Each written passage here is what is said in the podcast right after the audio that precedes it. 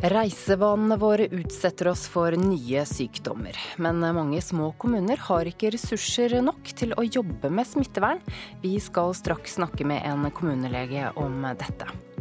Du får også høre mer om at smutthull åpner for skitne triks i renholdsbransjen. Og i dag får britene ny statsminister. Dette er Nyhetsmorgen på NRK P2 og Alltid nyheter. Programleder i dag er Ida Creed. Ja, det er eh, sommer og ferietid, og nordmenns reisevaner utsetter oss for nye infeksjoner og sykdommer. Mange små kommuner klarer ikke å sørge for at folk får nødvendig smittevernhjelp. Det kommer frem eh, i en ny rapport fra Folkehelseinstituttet og Helsedirektoratet. Kommunene har eh, både ansvar for å jobbe forebyggende og gi behandling til dem som har smittsomme sykdommer.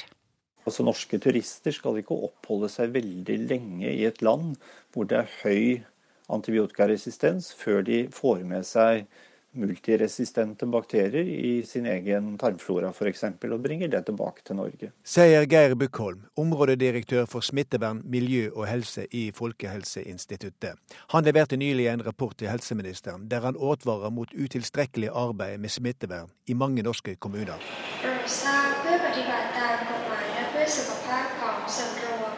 Vi er blitt et reisende folk, tar gjerne langvarig opphold på andre sida av kloden. Så er det slik at en god del av eh, det som skjer med smitte mellom mennesker, skjer jo i kommunene. Det kan oppstå utbrudd i en kommune, det kan være overføring av smittestoff fra dyr til mennesker. Men særlig i små kommuner klarer de ikke å løse alle oppgavene de er pålagt på smittevernfeltet. Men samtidig så er det viktig at det er kommunene som tar og har ansvar for smittevernet, for det er der folk bor. Og kommunene kjenner sin egen befolkning mye bedre enn det vi gjør på nasjonalt nivå. Resistente bakterier er det alvorligste problemet i smittevernet. Men selv om dette problemet er langt større andre steder enn i Norge, er det i lokalsamfunnene vi blir smitta dersom vi skulle være uheldige.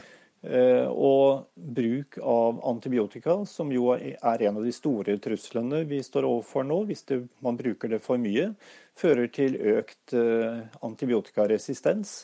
Og, og, det oppstår jo lokalt i kommunene, i tillegg til at det også oppstår fordi at folk er ute og reiser og bringer med seg eh, resistente bakterier fra utlandet. Og det er denne antibiotikabruken som gir størst grunn til uro, sier Bøkholm. Hvis utviklingen med, av antibiotikaresistens får utvikle seg fritt, eh, så kan det bli slik at eh, dødelighet av som skyldes antibiotikaresistens, eh, i løpet av noen tiår kan bli større enn dødeligheten av kreft i den vestlige verden.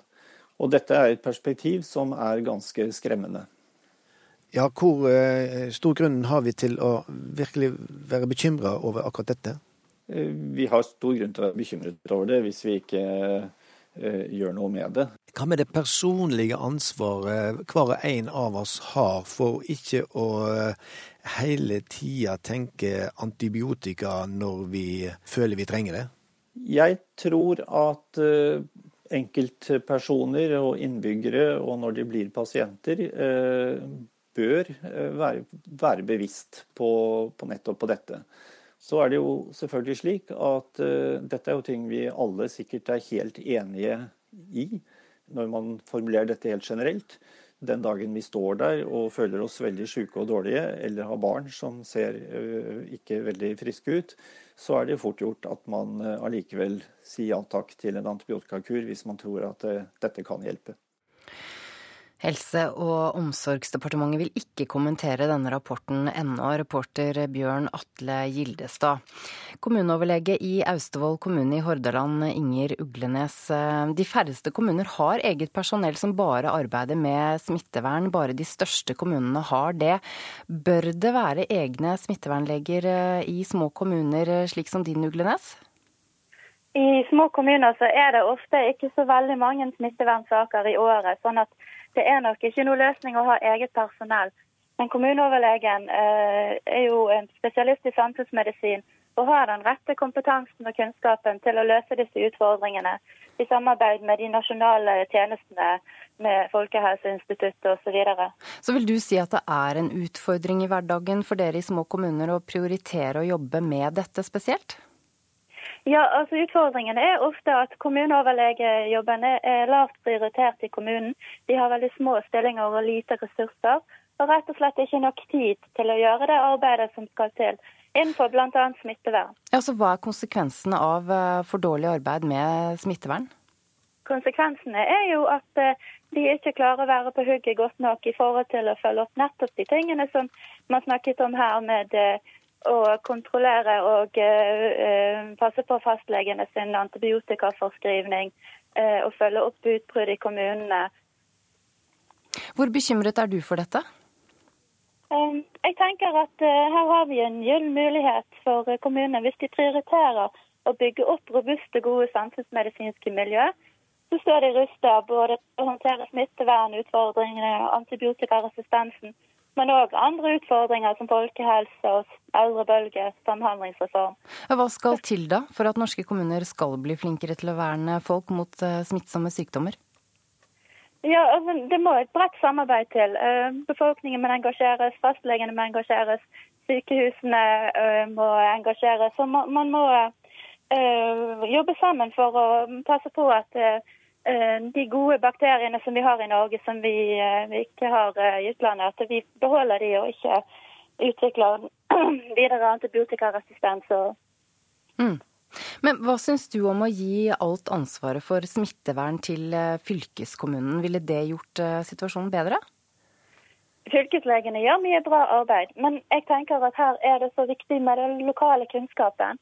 Eh, du må kjenne til lokalmiljøet, du må kjenne den lokale sykdomspanoramaet.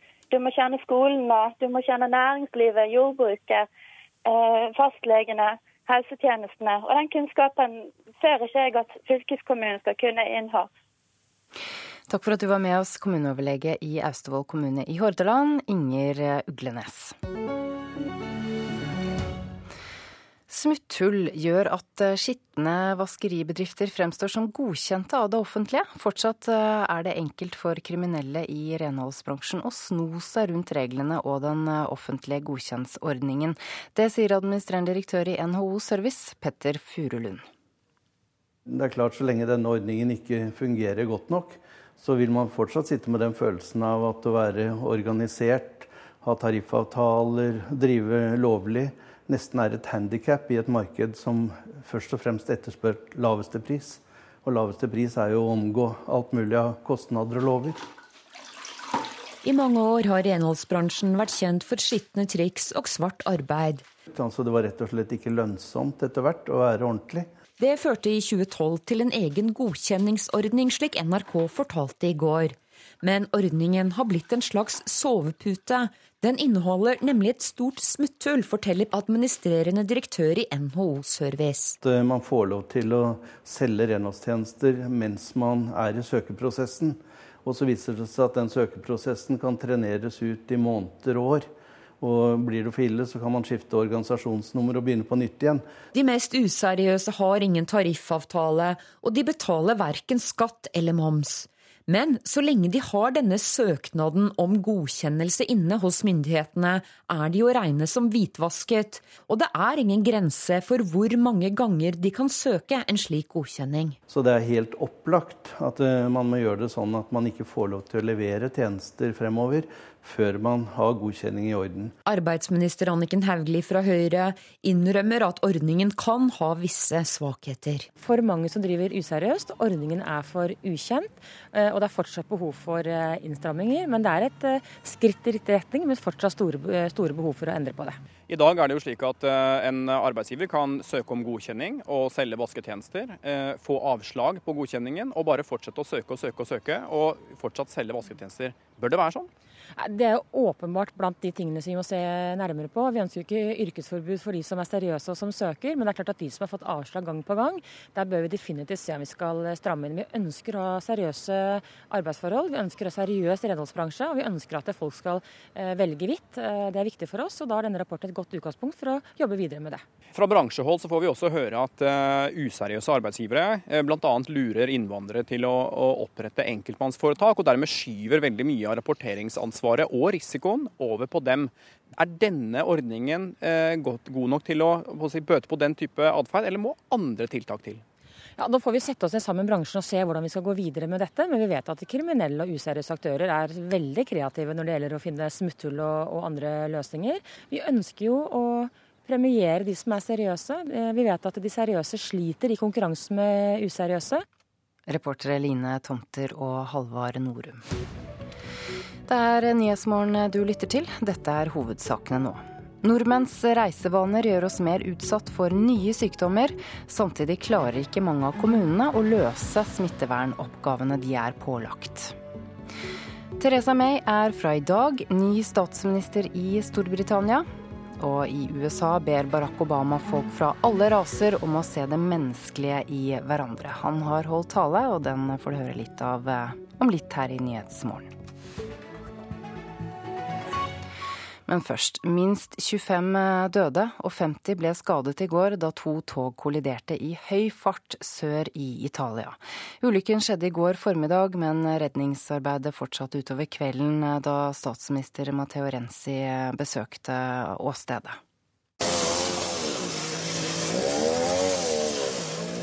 Brannmenn kutta i togvraket med motorsag i går kveld, fremdeles med et håp om å finne overlevende. For mange ble liggende fastklemt inne i vraket lenge, og flere ble dratt ut i live. En av dem var en seks år gammel gutt som ble distrahert av tegnefilmer på en mobiltelefon medan de skar han ut. Mange av passasjerene på det ene toget var studenter som var på vei til flyplassen i Bari, da de to regionaltogene kolliderte på ei en enspora linje. Flere av vognene ble totalknuste, andre ble kasta av sporet. Vrakrester ble funnet langt inne i olivenlundene langs togskinnene.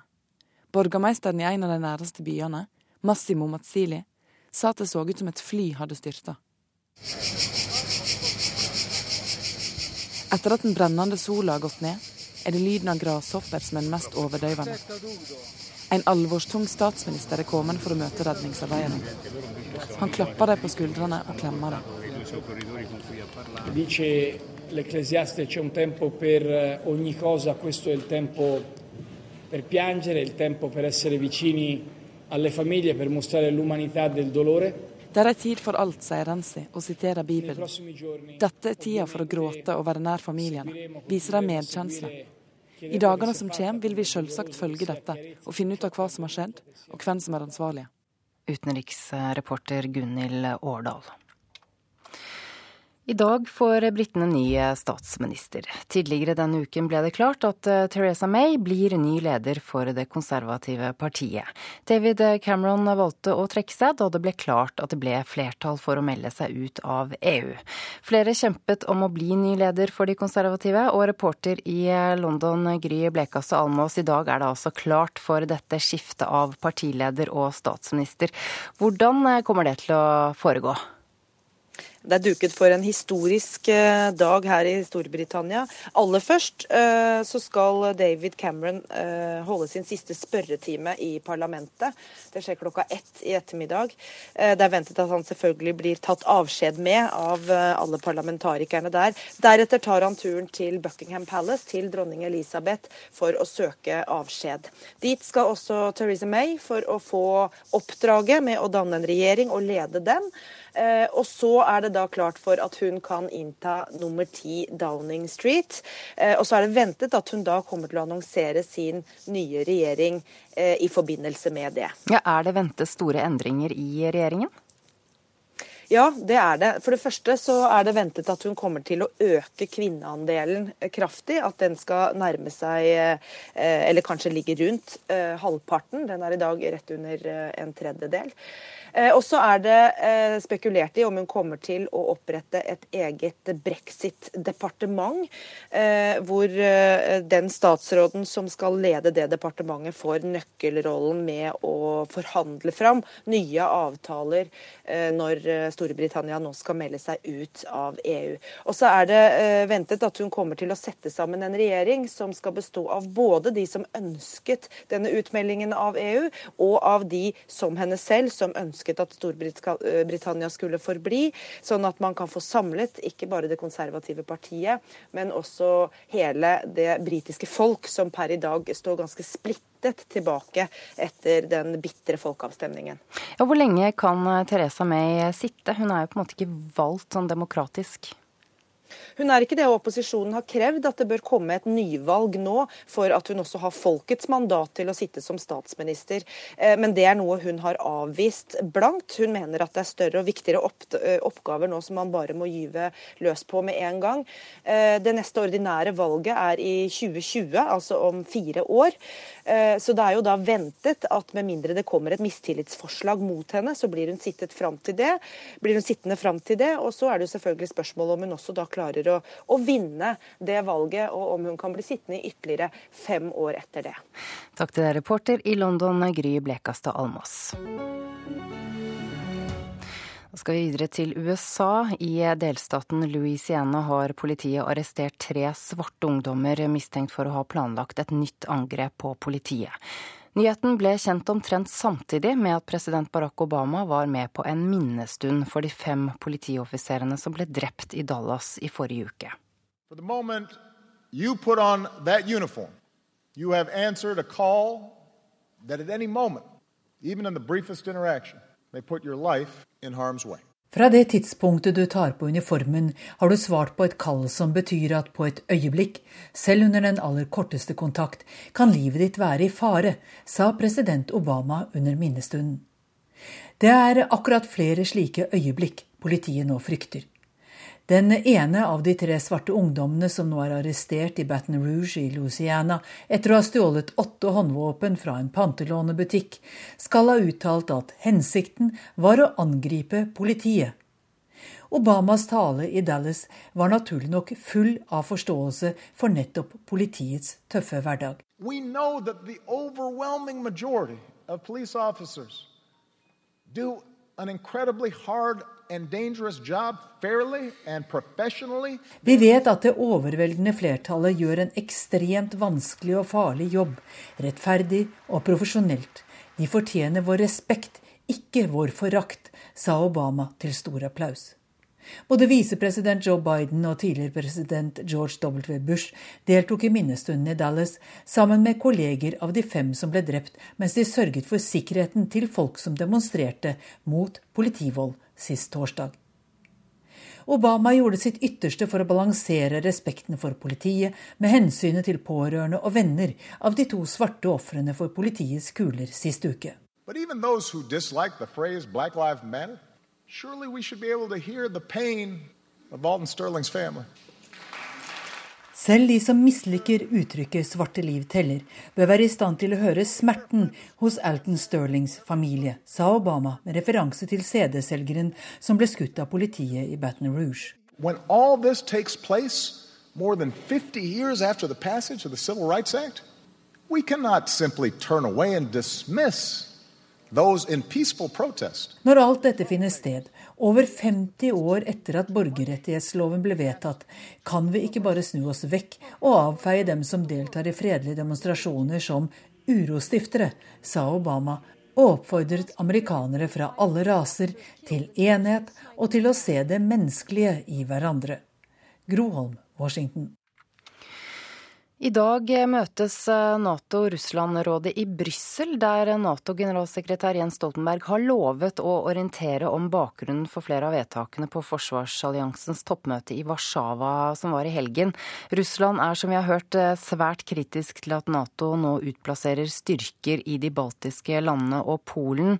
Korrespondent Morten Jentoft i Moskva, hva slags forventninger har Russland til møtet i Brussel i dag? Ja, Viseutenriksminister Aleksej Mishkov han sier til eh, radiostasjonen Moskvas Ekko nå i morgentimene at eh, Russland, for Russland så er eh, bl.a. det at Natos rakettskjold nå er operativt et av temaene som man vil ta opp på dette møtet. Nato sier jo det at dette rakettskjoldet er rettet mot uberegnelige land som Nord-Korea og Iran. Russerne mener at de, dette utgjør en trussel direkte mot, mot dem.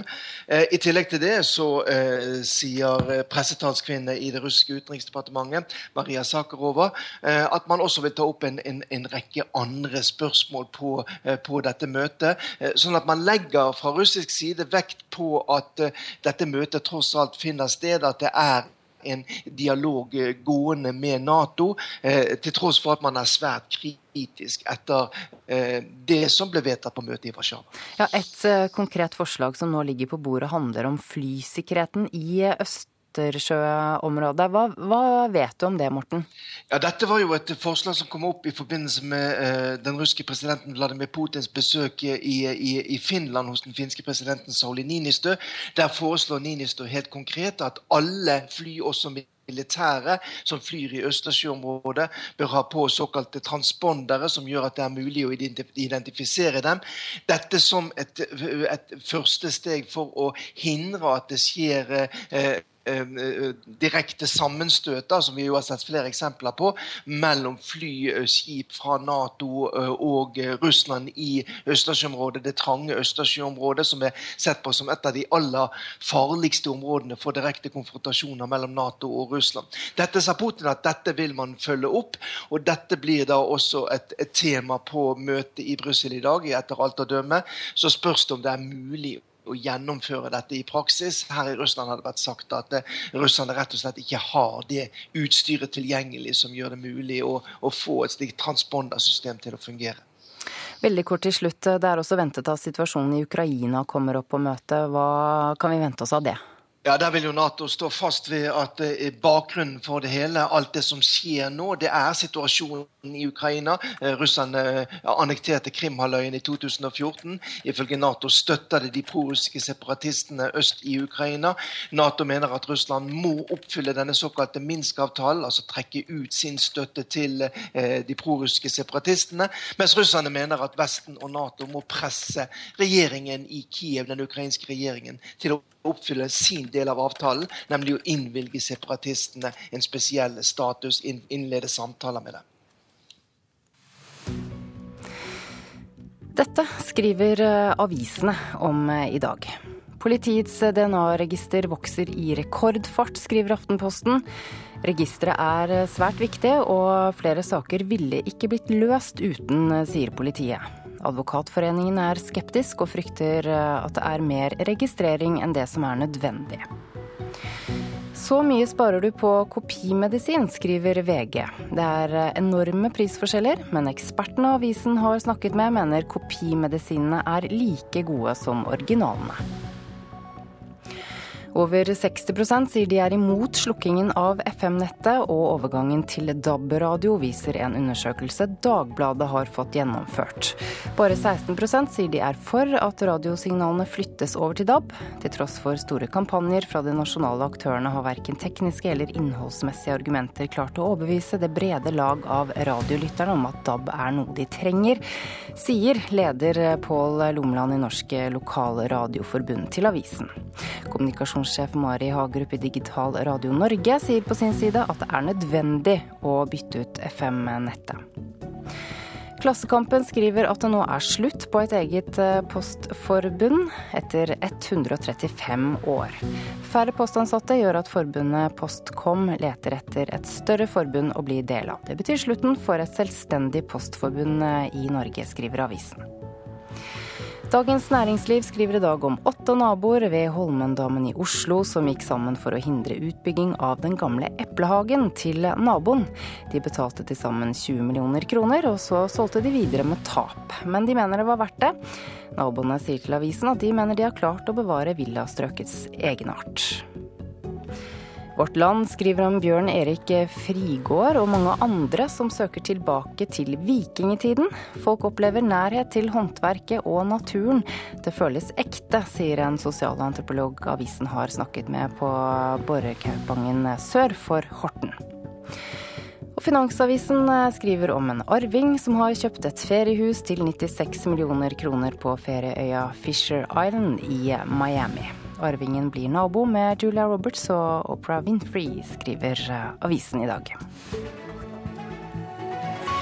Sport nå. Dersom Ronny Deila blir ny trener for Vålerenga, vil det være bra for laget, sier Viasats fotballekspert Vidar Davidsen. TV 2 meldte i går at Ronny Deila tar over Oslo-klubben fra 1.1, og at Rekdal blir Vålerengas nye sportsdirektør. Davidsen sier han er usikker på hvordan et slikt samarbeid vil fungere.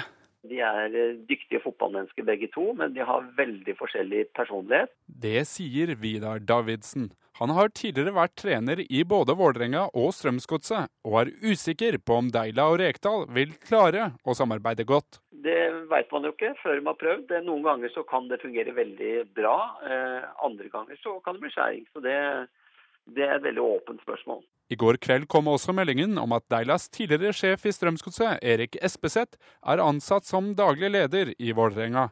Styreleder i klubben, Thomas Bårdseng, mener klubben var moden for noen utskiftninger. Vi har ikke lykkes spesielt godt sportslig i år. Det kan vi jo ikke vi kan jo ikke si noe annet enn det. Vi, vi kjenner på den posisjonen vi har. Vi har eh, meritter å vise til. Vi har en eh, stor tilskuer-supporterskare, og det, det, forplikter. Davidsen mener at det fort kan bli en interessekonflikt mellom Deila og Rekdal. Det er jo sånn at En sportsdirektør normalt jobber med det langsiktige, mens en trener uh, jobber med å skape resultater her og nå. Der uh, kan det være en interessemotsetning i forhold til en sportsdirektør som, hvor det kan være et lite minefelt.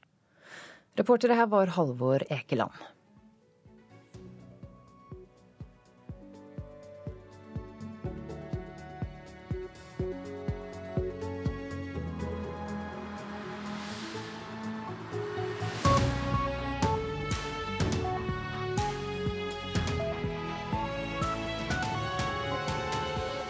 Hør ekko.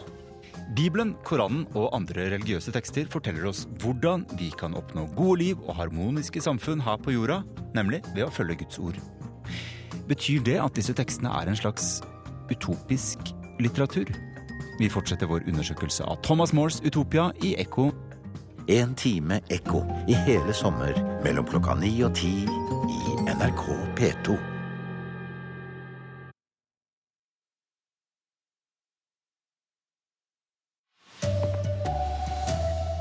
Kommunene er ikke gode nok på smittevern, og om noen tiår kan flere dø pga. antibiotikaresistens enn av kreft.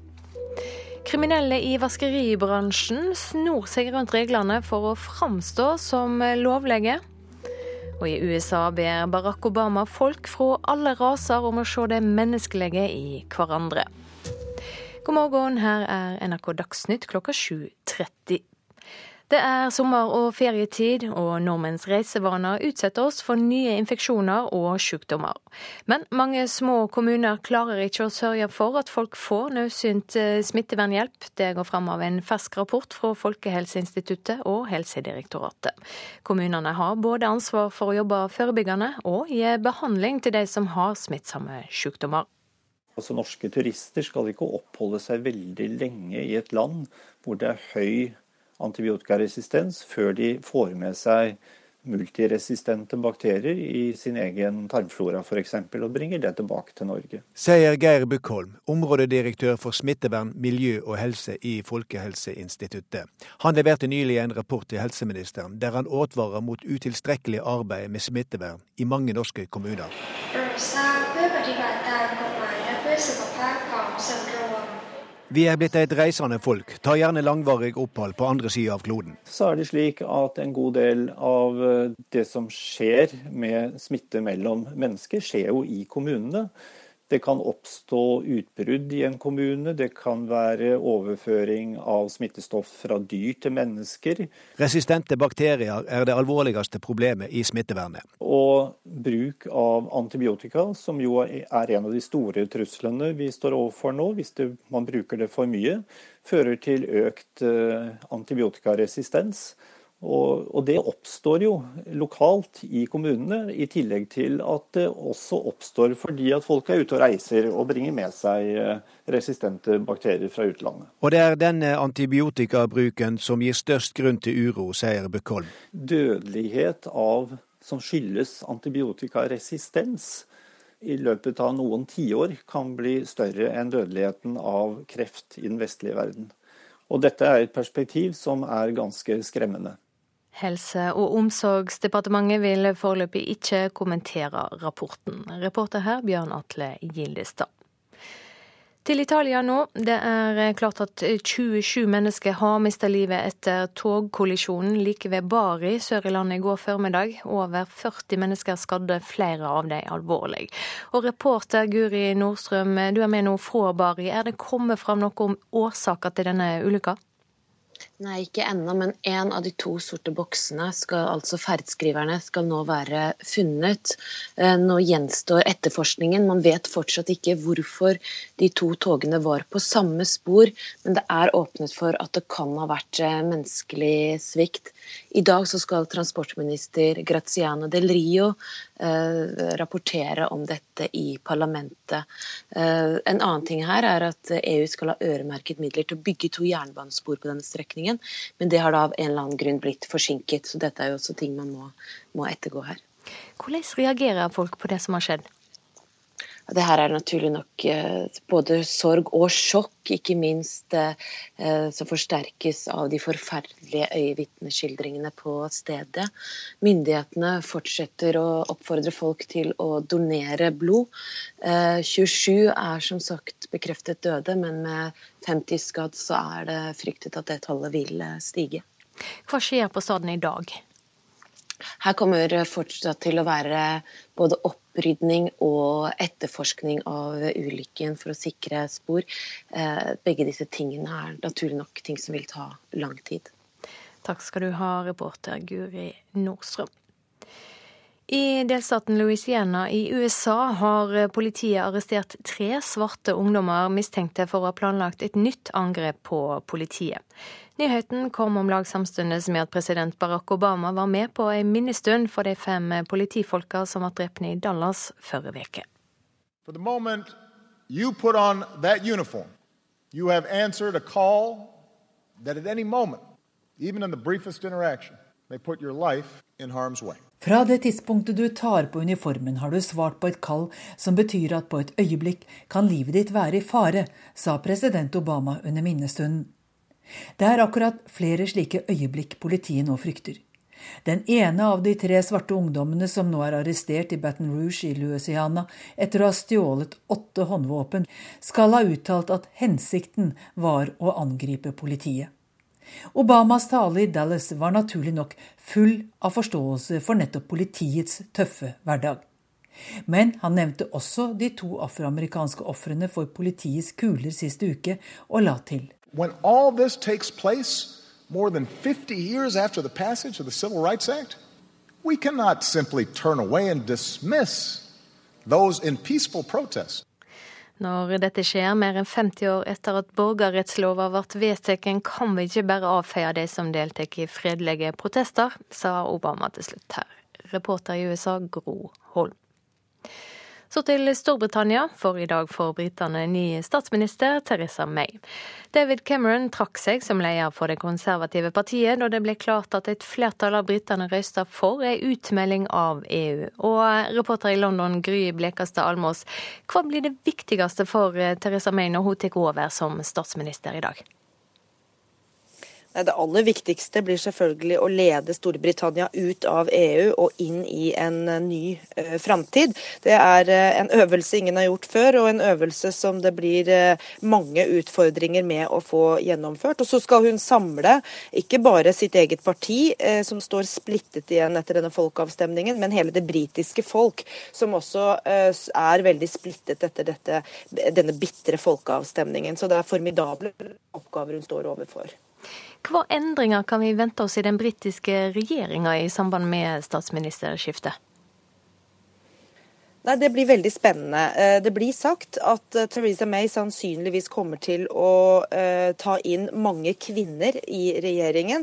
Det er per i dag litt mindre enn en tredjedel kvinner i regjeringen. Det er forventet at hun kommer til å nærme seg eller ha 50% kvinner. Det blir snakket om at hun kommer til å opprette et eget brexit-departement.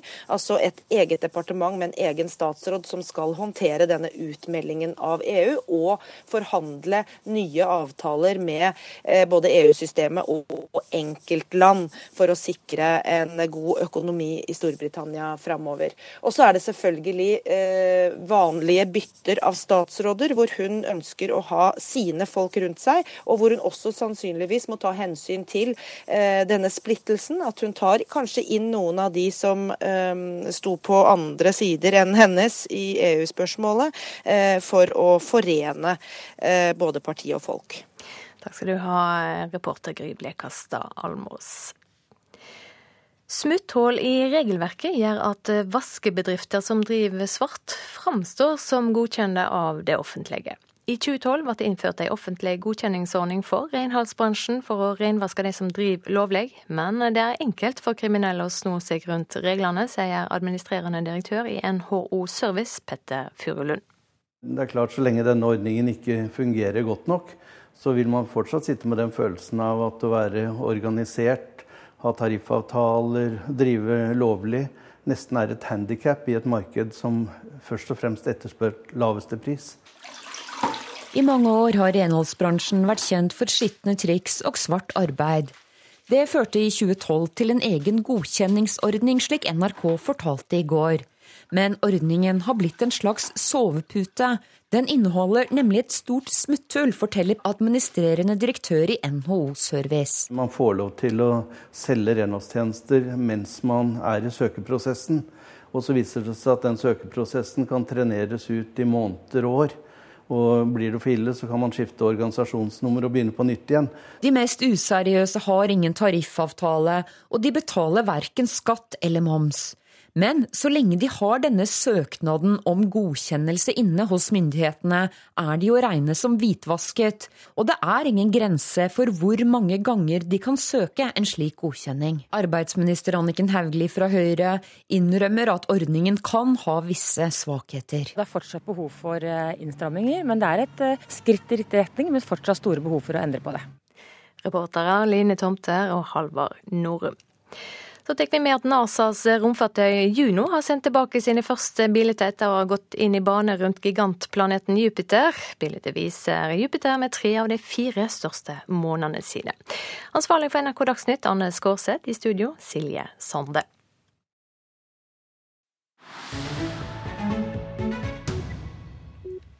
Indias statsminister Narendra Modi er på rundreise i Afrika. India ønsker å styrke båndene til Afrika, et kontinent der også Gandhi har gjort seg gjeldende. Kollega Joar Hole Larsen har mer om dette.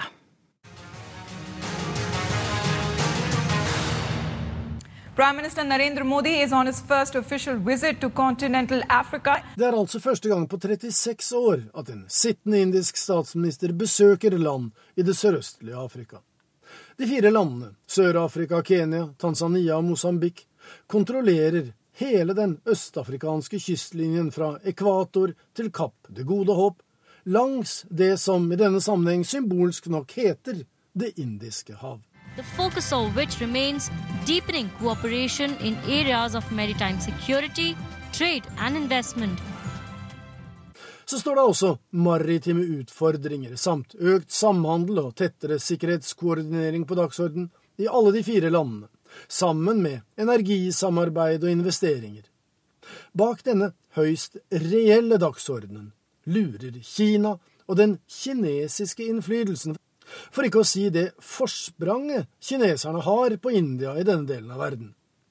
Inderne benekter riktignok at Afrikaturen har noe som helst med Kinas rolle der å gjøre. For India er i ferd med å bli en internasjonal stormakt, ikke minst i Afrika, på egne premisser.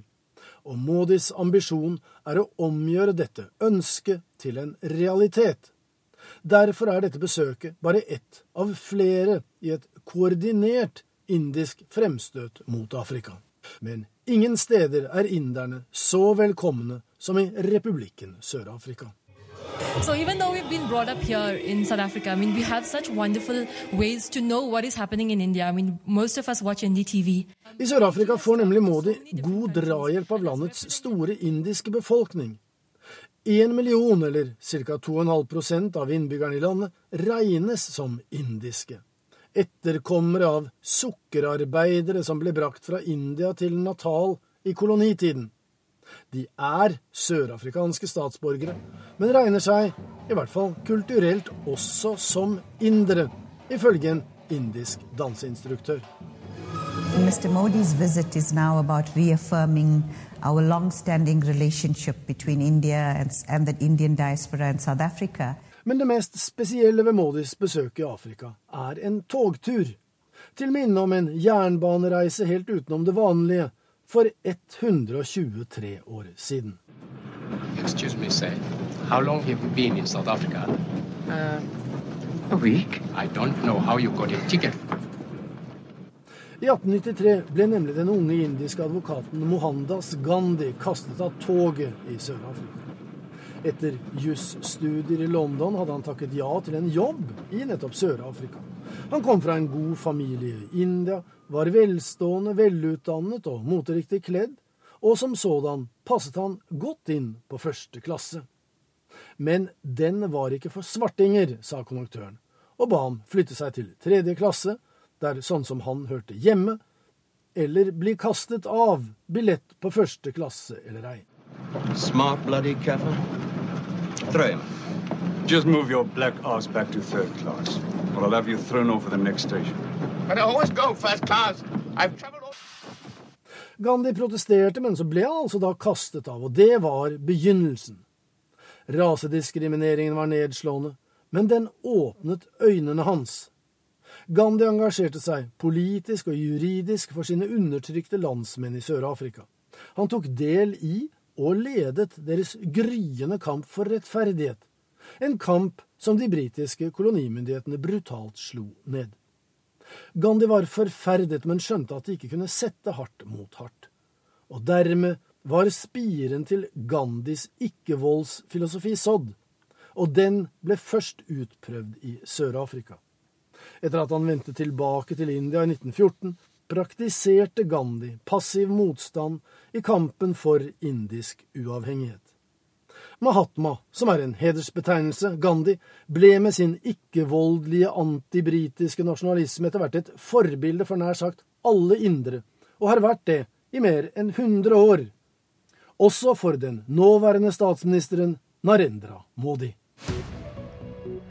Er Nyhetsmorgen du lytter til. Dette er hovedsakene våre. Kommunene er ikke gode nok på smittevern. Om noen tiår kan flere dø pga. antibiotikaresistens enn pga. kreft, mener eksperter. Tallet på omkomne etter ulykken i Italia har steget til 27. Smutthull i regelverket gjør at vaskebedrifter som driver svart, likevel får offentlig godkjent stempel. Han brenner egentlig mest for eldrepolitikk, og mener dette er en av de aller viktigste kampsakene for Fremskrittspartiet før neste valgkamp. Men denne uken måtte FrPs eldregeneral Bård Hoksrud svare for et valgløfte fra 2013 om et bompengefritt Norge med Frp i førersetet. Ingen samferdselsminister har samlet inn så mye bompenger som FrPs Ketil Solvik-Olsen, skrev VG i går. I løpet av hans 1000 dager i regjering har det blitt krevd inn 24,4 milliarder kroner. Bård Hoksrud, velkommen hit til Nyhetsmorgen. Takk for det. Hvordan rimer dette med ditt og FrPs valgløfte om å gjøre Norge bompengefritt? Nei, nå var det meg som sa det. Og det er klart at i forhandlingene med Høyre i første omgang om regjering, og for så vidt de to samarbeidspartiene, så tapte vi det slaget om å fjerne alle bompengene. Men det var sånn at Ketil Solvik-Olsen og jeg var eh, rundt mange steder i landet og fjerna bomstasjoner som de rød-grønne partiene hadde vedtatt at skulle komme. Både i Telemark, vi var i Alta, eh, vi var i Møre og Romsdal og vi var rundt omkring i landet og fjerna bomstasjoner eh, som ville vært der hvis de rød-grønne partiene hadde fått lov å sitte videre med makta. Så vi har både redusert bompenger og vi har sørga for at det har blitt mye mer statlige penger inn for å bygge ny infrastruktur og bygge nye veier og vedlikeholde de veiene vi har, og faktisk tatt igjen forfallet og begynt å gjøre noe med forfallet og redusere forfallet. Men har du fortsatt tro på at det er realistisk at Norge blir bompengefritt eh, slik dere har lovt, eller vil du justere Nei, Fremskrittspartiet jobber fortsatt, og det står i programmet at vi er imot bompenger og mener at det er en ekstra skatt. og Det er det som er viktig å få fram, at dette er en ekstra, ekstra skatt som bilistene betaler. og Det vi ser nå at det politiske flertallet de sørger for at bilistene må betale enda mer av kollektiv, de må betale gang- og sykkelveier osv. Det er vi imot, og det jobber vi for å gjøre noe med. Men det er et flertall på Stortinget, og sånn er demokratiet vårt at vi må forholde oss til flertallet på Stortinget. Hva skal dere gjøre fremover da, for å sikre bompengefrie strekninger? Nei, Vi må sørge for å fortsette å fremme forslag, og det gjorde Fremskrittspartiet og regjeringa senest nå i forbindelse med statsbudsjettet som ble lagt fram for i år, hvor vi foreslo en rentekompensasjonsordning for å redusere bilistenes kostnader ved at eh, staten tar en større del av regninga. Det var det dessverre sånn at eh, flertallet i Stortinget ville ikke være med på det. og Jeg syns det er veldig trist, fordi det begynner å bli en kjempestor belastning for vanlige bilister som kjører rundt på veiene og ser at det blir dyrt. Men heldigvis, de ser også at man har en regjering som aldri har, har det blitt satsa mer på å bygge veier eh, og jernbane for den sakens skyld, som det er nå med Ketil Solvik-Olsen. Og organisasjonene de jubler jo for at de endelig har fått en samferdselsminister som virkelig leverer varene og sørger for at det blir mer vei. Bortsett fra dette med at han ikke leverer på, på flere bompengefrie strekninger. Kan du da garantere at Norge blir bompengefritt dersom dere får fortsette å styre landet? Vet du hva, det er sånn at Vi må ha et flertall i Stortinget. Hvis Fremskrittspartiet eh, blir, eh, får flertall, så kunne man gjort noe med det. Det har vi ikke fått så langt, men det er opp til velgerne nå å sørge for at hvis Fremskrittspartiet blir sterkere ved valget i 2017, så får vi også gjort mer med det. Det er jo derfor vi har klart å redusere bompengene eh, i forhold til det det ville vært hvis de andre partiene hadde fått lov å fortsette. Jeg har bare lyst til å si, fordi det er liksom sånn, Man viser at samferdselsministeren, denne samferdselsministeren eh, leverer mer bompenger enn det noen andre har gjort. Jo, men Det er jo fordi at man har bygd mange flere nye prosjekter. Så selv om man skulle sagt nei til å starte med bompenger nå, så ville det fortsatt vært at det ville blitt det, fordi veiprosjektene er jo 10-15 års nedbetalingstid, og kanskje opp mot 20 år. Så, har, så det er ikke så unaturlig. Har bompenger ført til noe positivt her i landet? Det er jo ikke tvil om at det blir mer vei, men jeg vil jo ikke si at bompenger er positivt. fordi bilistene betaler allerede inn masse skatter og avgifter som vi mener at, at enten så må man gjøre det ene eller det andre. og Derfor er vi imot bompenger, fordi det er en ekstraskatt på toppen. Så til eldreomsorg. For du er altså eldregeneral i Fremskrittspartiet, en jobb Carl I. Hagen hadde før. Hagen trakk seg i protest mot partiledelsen i 2011 etter at han ble vraket fra Nobelkomiteen. Gi oss en rask oppsummering, Hoksrud. Er dagens dagens eldreomsorg verdig? Jeg har lyst til å si at heldigvis er det utrolig masse flotte mennesker som står på hver eneste dag ansatt i eldreomsorgen, som gjør en fantastisk god jobb.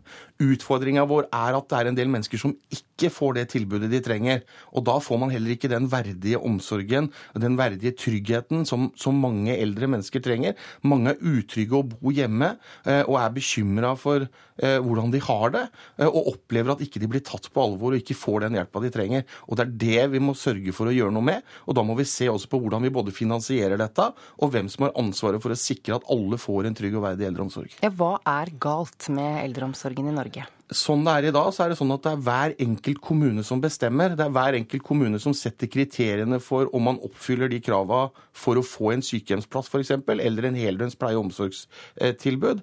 Vi mener at det bør eh, komme nasjonale retningslinjer, og det kommer nå også, sånn at man vet hva som skal til for å få en sykehjemsplass, uavhengig av hvor man bor i landet. Og så må vi få på plass en statlig finansiering. Det er Fremskrittspartiets løsning, fordi nå er det opp til kommuneøkonomien å vise om man kan gi et, eh, et omsorgstilbud eller ikke. Vi mener at det skal være opp til hva brukerne har behov for, og da må staten finansiere det. Ja, FrPs svar på noen av disse problemene i eldreomsorgen har altså vært å foreslå en ordning der staten finansierer eldreomsorgen i stedet for kommunene selv. Regjeringen har lokket med ekstra penger til kommuner som vil delta i forsøk med statlig finansierte omsorgstjenester, men likevel eh, har de ikke fått mange kommuner med seg på dette forsøket. Er dette rett og slett mislykket? Nei, forsøket ville vært veldig bra. Dessverre så er det litt ideologi her, og en del rød-grønne politikere er veldig negative til å være med på dette, fordi de ønsker å styre, de ønsker å ha kontrollen, og det er også mange rådmenn som gjør, fordi de ser at hvis man hadde blitt med i dette forsøket, så ville man kunnet fått mer penger, men man måtte bruke pengene på eldreomsorg, og ikke på andre ting som mange politikere ønsker å prioritere å bruke pengene på isteden. Og det mener vi er feil, og det er derfor vi også ønsker å teste ut dette. Og jeg syns det er trist at flere, ikke flere kommuner blir med, fordi det kunne vært gode erfaringer for å se hvordan skal vi løse utfordringene framover. Og jeg har lyst til å si det er også en ting til med denne statlige forsøksordningen, fordi vi har to eh, løsninger. Det ene er hvor staten overtar alt finansieringsansvar. Det andre er at kommunene bare har fått penger på toppen, øremerka til eldreomsorg. Til og med det sier kommunene nei til, og det tror jeg ingen forstår, når man kan få mer penger, men man må bruke dem på eldreomsorg, men da vil ikke kommunene kommunene være med. Og jeg syns det er veldig merkelig. Er det andre tiltak som kan fungere bedre for å bedre kvaliteten på norsk eldreomsorg, da kanskje? Ja, det vi i tillegg gjør, er jo at man nå styrker rettighetene til, altså til de som trenger pleie og omsorg, ved at man nå sier at, eh, at man eh, presiserer i lovverket mye klarere at man skal få eh, tilbud, uavhengig av kommuneøkonomien, hvis man oppfyller kriteriene. Legene, som er den enkelte pasienten eller brukeren sin, sin mm, lege, den skal få mer avgjørende betydning i forhold til om man skal få en plass eller ikke. Sånn at eh, kommunene kommer til å få litt mindre eh, bestemmelsesrett, men at faktisk den som kjenner pasienten best, skal få mer innflytelse for å sikre at de som trenger pleie og omsorg, får det. Veldig kort til slutt, Hoksrud. Det er fortsatt lenge til du kan regnes i kategorien eldre. Og tidligere er det jo eh, samferdselspolitikk som har, vi har forbundet deg med. Men hvorfor er du riktig mann i denne jobben? Jo, kanskje det er litt greit at det er noen som starter som er litt unge, som kan få lov å starte og være med å gjøre denne jobben. Fordi det trengs å gjøres mye her, og det kommer til å ta litt tid. Takk til deg, Bård Hoksrud fra Fremskrittspartiet. Da skal vi høre at etterlatte foreldre etter 22.07-terroren på Utøya ble mer traumatiserte av å følge med på mediedekningen. Det slår en ny studie fra Universitetet i Bergen og Senter for krisepsykologi fast. Stadige påminnelser er et problem for foreldrene som mistet barna sine på Utøya, sier psykolog Reidar Nevdal. Med de grafiske bildene som nå flerrer over TV-skjermen, så er det klart at det er konstante påminnelser eh, som eh, man er nødt til å være obs på. Og konstante påminnelser er et problem for foreldrene som mistet barna sine på Utøya. Det forteller Reidar Nevdal, han er en av psykologene bak studien. Det vi fant var at uh, selv tre år etter hendelsen så var etterlatte foreldre de hadde et eh, forhøyet traumenivå. I tillegg til det så fant vi det at eh, mediedekningen de så var, hadde sterk sammenheng med hvor høyt traumenivå de hadde. Så mennesker som hadde sett mye mediedekning, de hadde òg et forhøyet traumenivå. Eh, vi fant ikke det samme hos foreldre som ikke hadde mistet noen, altså ikke var etterlatte. Han forteller også at mennesker som ikke er direkte berørt av terror, kan bli traumatiserte av kun å følge mediedekningen. Nevdal forklarer hvorfor etterlatte fulgte så mye av nyhetsdekningen, selv om eksperter ganske tidlig frarådet dem fra det. Vi følte det var nødvendig at de skulle vite hva som sto i media, at det var, det var, et litt sånn ytre press de følte på. Så er det veldig mange av de som har rapportert det, at det var rett og slett umulig å unngå den mediedekningen. Hvis du skrudde på radioen, så var det noe om det. Hvis du gikk inn i en aviskiosk, så var det noe om det. Svein Brurås er professor ved journalistutdanningen på Høgskolen i Volda. Han påpeker at det er medienes samfunnsansvar å informere og forklare, men samtidig må den passe seg for ikke å spre frykten som terroristen ønsker å skape. Vi vet jo at terrorister de, begår sine handlinger eh, for å skape frykt i samfunnet. Og Da er det jo alltid en fare for at mediene kan bli nær sagt nyttige idioter for, eh, for terrorister. Men samtidig så er det utenkelig å tie stille om denne type hendelser. Likevel mener Brurås at dekning av terror må begrunnes. Det har ikke vært tilfellet ved 22. juli-dekningen. Etter min mening så vi jo dette sist, eh, under denne siste rettssaken mellom Anders Behring Breivik og staten, som fikk en veldig omfattende dekning i en del medier, som ikke står i forhold til betydningen av den saken. På vegne av de etterlatte har Eivind Knutsen en oppfordring. Mitt råd til pressen er at man følger eh, Vær varsom-plakaten, selvfølgelig. Når man har intervjuer med de som er berørt, at man eh, tar vare på de der man prater med. Også at man forsøker å ikke bare trekke fram det som er eh, vondt, men at det er mulig å lage gode historier også, for det er det mange av.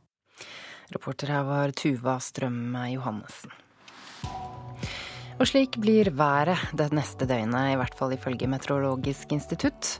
Østafjells og fjellet i Sør-Norge får sørvestlig liten kuling på kysten og litt sol, men også regnbyger og tordenbyger. Det ventes få byger i fjellet. På Vestlandet sør for Stad kommer vinden om ettermiddagen til å øke til nordvestlig liten kuling. Det blir enkelte regnbyger, vesentlig i de indre strøkene, men også perioder med sol. I Møre og Romsdal og Trøndelag blir det også enkelte regnbyger og litt sol. Nordland får nordvestlig bris. Det blir mer skyet på Helgeland og i Vesterålen. Ellers mye pent vær, men i indre strøk kan det komme spredte ettermiddagsbyger. I Troms blir det for det meste skyet i morgen. Øst for Lyngsalpan vil det komme litt regn. I resten av fylket stort sett oppholdsvær. Finnmark får nordvestlig bris og perioder med litt regn, men lite nedbør på vidda. På Spitsbergen ventes også litt regn, og det vil blåse østlig liten kuling utsatte steder. Og så tar vi noen temperaturer målt klokken sju for altså en time siden. Da hadde Svalbard lufthavn ni grader. Kirkenes hadde tolv. Vardø ti grader. Alta 13 grader. Tromsø-Langnes 9 grader. Bodø 12 grader. Det hadde også Brønnøysund. 12 grader, altså. Trondheim-Værnes 13 grader. Det hadde også Molde. 13 grader. Bergen-Flesland 13 grader. Stavanger 14 grader. Kristiansand-Kjevik hadde 14 grader klokken sju i dag morges, og Gardermoen hadde 12. Lillehammer 15 grader. Røros 10 grader, og Oslo-Blindern hadde 15 grader.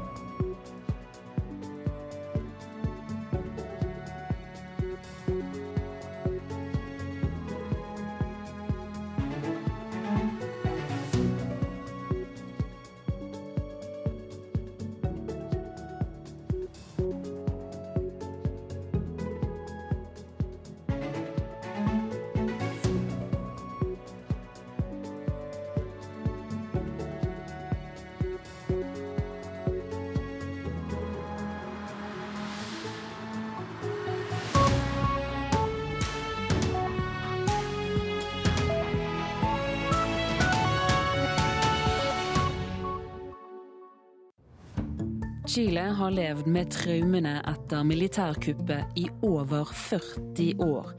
Men nå i sommer skjedde noe viktig. Mannen som drepte visesanger Victor Hara, ble dømt. Og hva er det som gjør akkurat den dommen så viktig? Hør Kulturhuset i NRK P2 klokken 13.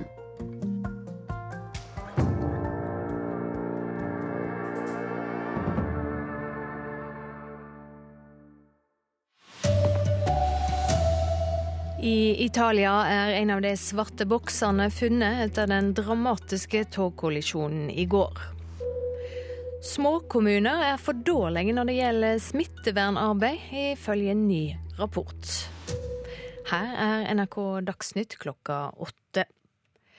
I Italia er nå 27 mennesker omkomne etter at to tog kolliderte like ved Bari i går formiddag. Over 40 er skadde, flere av de alvorlig. Reporter Guri Nordstrøm følger etterforskninga etter ulykka sør i Italia. En av de to sorte boksene, skal, altså ferdskriverne, skal nå være funnet. Nå gjenstår etterforskningen. Man vet fortsatt ikke hvorfor de to togene var på samme spor, men det er åpnet for at det kan ha vært eh, menneskelig svikt. I dag skal transportminister Graziano del Rio rapportere om dette i parlamentet. En annen ting her er at EU skal ha øremerket midler til å bygge to jernbanespor på denne strekningen, men det har da av en eller annen grunn blitt forsinket. Så dette er jo også ting man må, må ettergå her. Både opprydning og etterforskning av ulykken for å sikre spor er naturlig nok ting som vil ta lang tid. Nordmenn sine reisevaner utsetter oss for eh, nye infeksjoner og sykdommer, men eh, små kommuner klarer ikke å sørge for at folk får nødsynt eh, smittevernhjelp. Det kommer fram i en ny rapport fra Folkehelseinstituttet og Helsedirektoratet. Dette er utfordrende, sier kommuneoverlege Inge Uglenes i Austevoll kommune i Hordaland.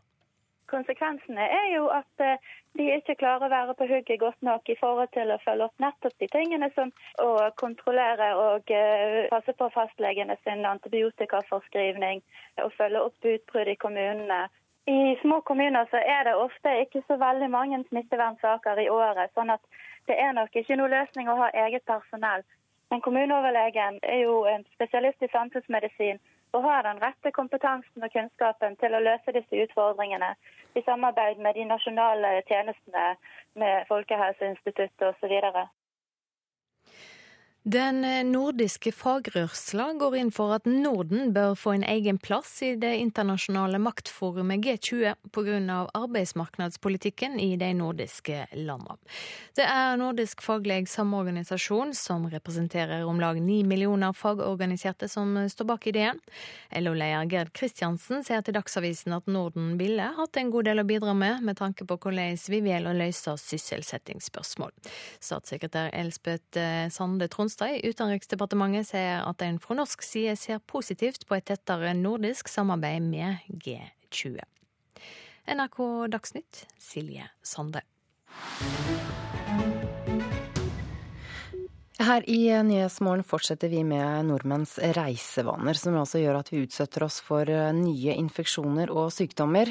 Mange små kommuner klarer samtidig ikke å sørge for at folk får nødvendig smittevernhjelp. Det kommer frem av en ny rapport fra Folkehelseinstituttet og Helsedirektoratet. Kommunene har både ansvar for å jobbe forebyggende og gi behandling til de som har fått eh, smittsomme sykdommer.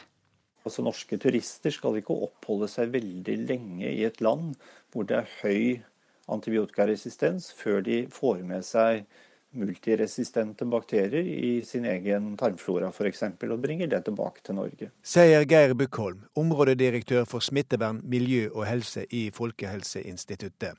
Han leverte nylig en rapport til helseministeren der han advarer mot utilstrekkelig arbeid med smittevern i mange norske kommuner.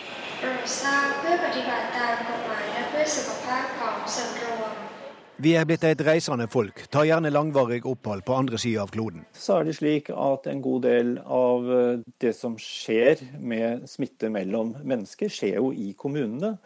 Det kan oppstå utbrudd i en kommune, det kan være overføring av smittestoff fra dyr til mennesker. Men særlig i små kommuner klarer de ikke å løse alle oppgavene de er pålagt på smittevernfeltet. Men samtidig så er det viktig at det er kommunene som tar og har ansvar for smittevernet, for det er der folk bor. Og kommunene kjenner sin egen befolkning mye bedre enn det vi gjør på nasjonalt nivå. Resistente bakterier er det alvorligste problemet i smittevernet. Men selv om dette problemet er langt større andre steder enn i Norge, er det i lokalsamfunnene vi blir smitta dersom vi skulle være uheldige. Eh, og bruk av antibiotika, som jo er en av de store truslene vi står overfor nå, hvis det, man bruker det for mye, fører til økt eh, antibiotikaresistens. Og, og, det oppstår jo lokalt i kommunene, i tillegg til at det også oppstår fordi at folk er ute og reiser og bringer med seg eh, resistente bakterier fra utlandet. Og det er denne antibiotikabruken som gir størst grunn til uro, sier Bøkholm. Hvis utviklingen med, av antibiotikaresistens får utvikle seg fritt, eh, så kan det bli slik at eh, dødelighet av som skyldes antibiotikaresistens, i løpet av noen tiår kan bli større enn dødeligheten av kreft i den vestlige verden. Og dette er et perspektiv som er ganske skremmende. Ja, Hvor stor grunn har vi til å virkelig være bekymra over akkurat dette? Vi har stor grunn til å være bekymret over det hvis vi ikke gjør noe med det. Hva med det personlige ansvaret hver og en av oss har for ikke å hele tida tenke antibiotika når vi føler vi trenger det?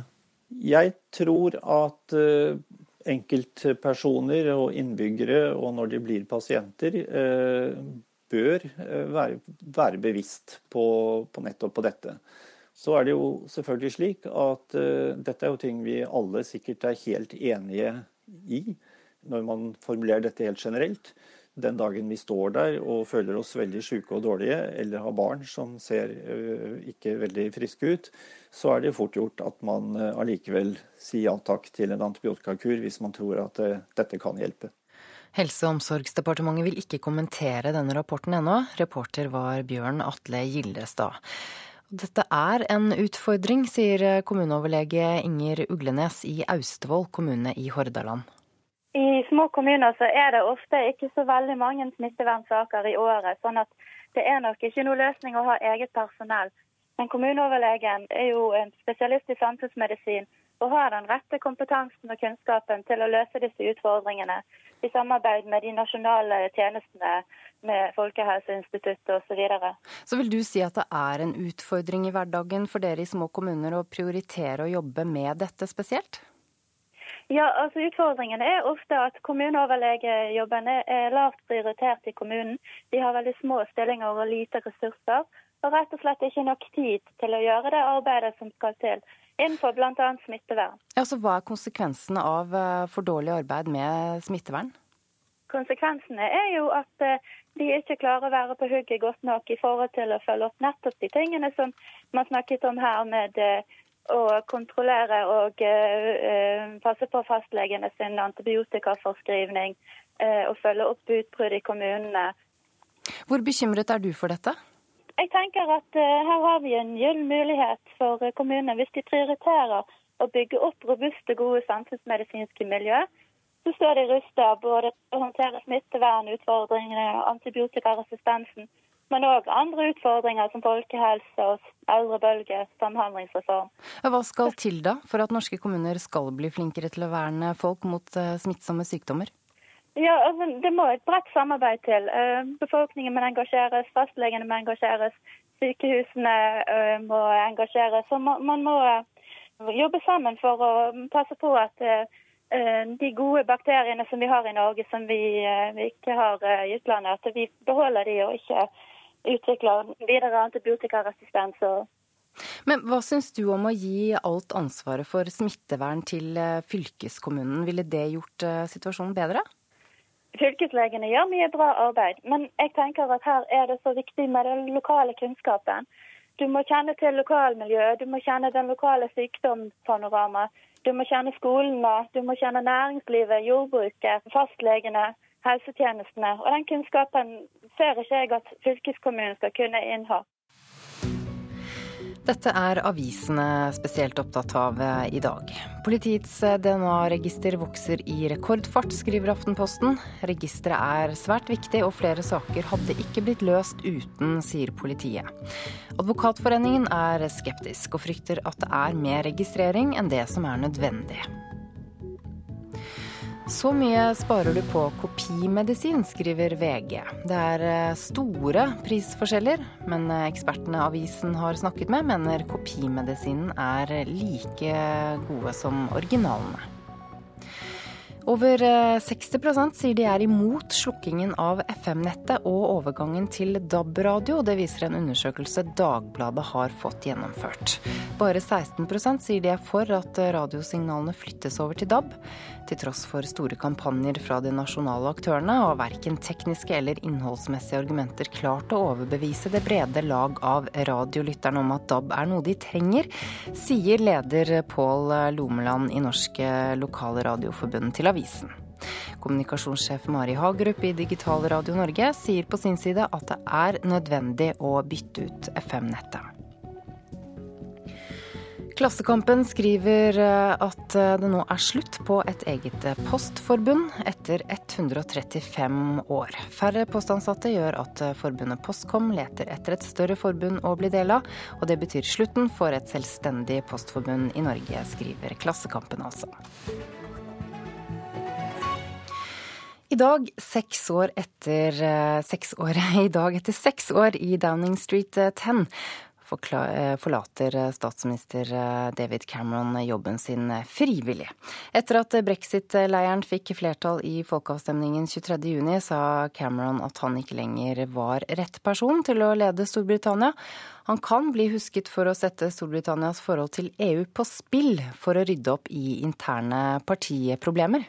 I do not think it would for me to try to be the captain that steers our country jeg er ikke lenger den rette til å lede landet, sa statsminister David Cameron dagen etter at folkeavstemningen viste et flertall for å forlate EU.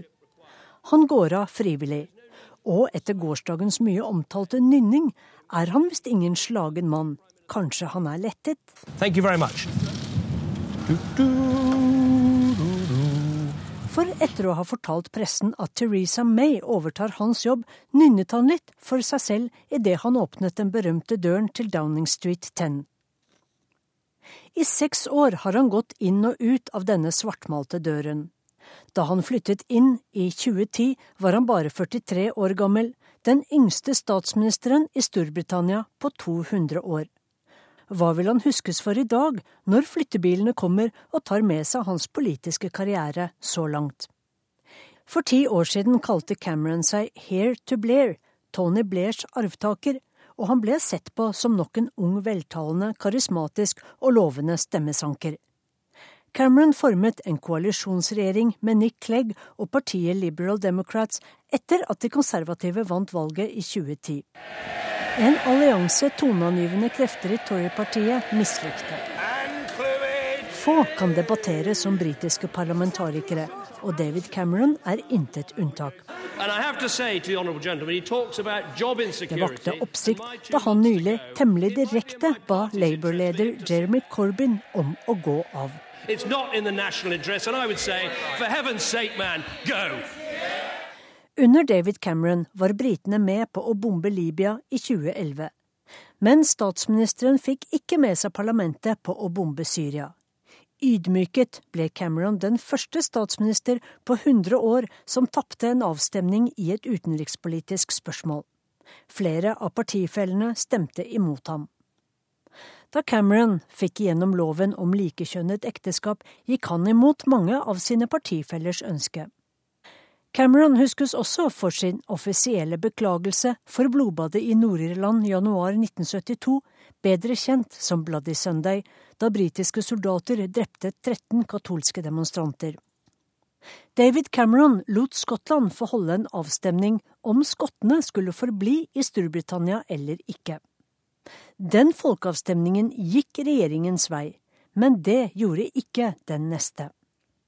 Cameron gamblet både med EU og Storbritannias fremtid da han ville sette på plass høyrefløyen i sitt eget parti, EU-skeptikerne og UKIP. En britisk kommentator mente at Cameron, kostskolegutten fra overklasseskolen Eton, trodde han kunne vinne avstemningen med sin veltalenhet og sjarme. Da sjokket kom, hadde verken lederne for brexit-leiren eller statsministeren noen plan for dagen etter. Nå forlater de postene sine for å la andre ta oppvasken. Men hva var det Cameron nynnet på da han overlot roret til Teresa May? Det lurer de på også i BBC. It's this one. David, what are you trying to tell us? It's our great escape now. Ja, BBC tror han nynnet på The Great Escape. Reporter eh, Sissel Wold. Dette er uh, hovedsakene i uh, Nyhetsmorgen. Nordmenns reisevaner gjør oss mer utsatt for infeksjoner. Samtidig klarer ikke mange småkommuner å løse smittevernoppgavene de er pålagt. Tallet på omkomne etter togulykken i Italia har nå steget til 27. Poptvillingene Marcus og Martinus hadde sin hittil største konsert i Sverige i går. Det får du høre snart. Men først. YouTube har passert de store mediehusene og er nå kanalen for dem under 40 år. Det viser tall fra TNS Gallup. Nå lager flere og flere sin egen YouTube-kanal. Malin Nesvold Vangsnes, bedre kjent som Makeup-Malin, er en av dem. Jeg har gjort meg på stua nå til lite studio. Så det her gjør jeg jo hver gang jeg skal filme. da, Så må jeg liksom eh, ommøblere hele stua.